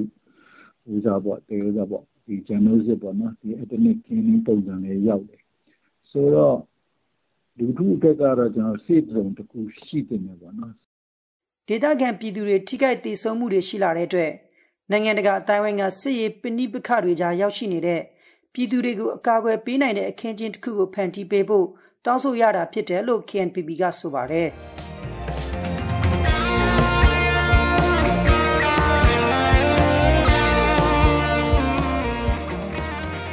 နားဆင်ခဲ့ကြရတာကတော့ BNI Radio ကနေ့စဉ်သတင်းအစီအစဉ်ပဲဖြစ်ပါတယ်။ဒီအစီအစဉ်ကိုနေ့စဉ်မြန်မာစံတော်ချိန်ညနေ9:15မိနစ်ကနေ9:00နာရီခွဲအထိ15မိနစ်ကြာထုတ်လွှင့်နေတာဖြစ်ပါတယ်။နားဆင်ပေးတဲ့အတွက်ကျေးဇူးတင်ပါတယ်ရှင်။ကျွန်မကအမီပါ။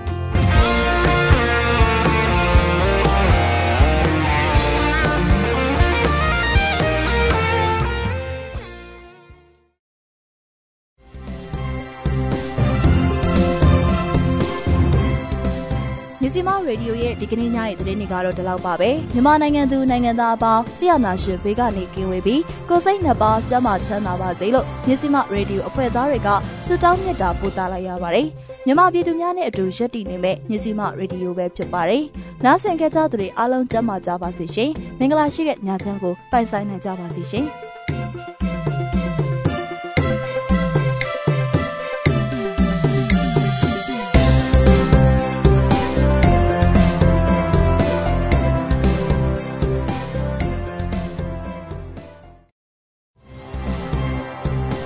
မတို့ရဲ့မြစီမရေဒီယိုကိုနေ့စဉ်ည6နာရီခွဲမှည9နာရီခွဲထိလိုင်းဒိုမီတာ16မီတာစက္ကွန်တသမခွန်3 MHz ကနေပြီးတော့ဖမ်းယူနားဆင်နိုင်ပါပြီ။မြစီမရေဒီယိုကိုနားမစင်လိုက်ရတဲ့သူတွေအနေနဲ့မြစီမ News and Farming Page, 108 Page, မြစီမ YouTube Channel, မြစီမ Website Podcast, Application Podcast, Anchor Podcast တွေမှာလည်းပြန်လည်နားဆင်လို့ရပါတယ်နော်။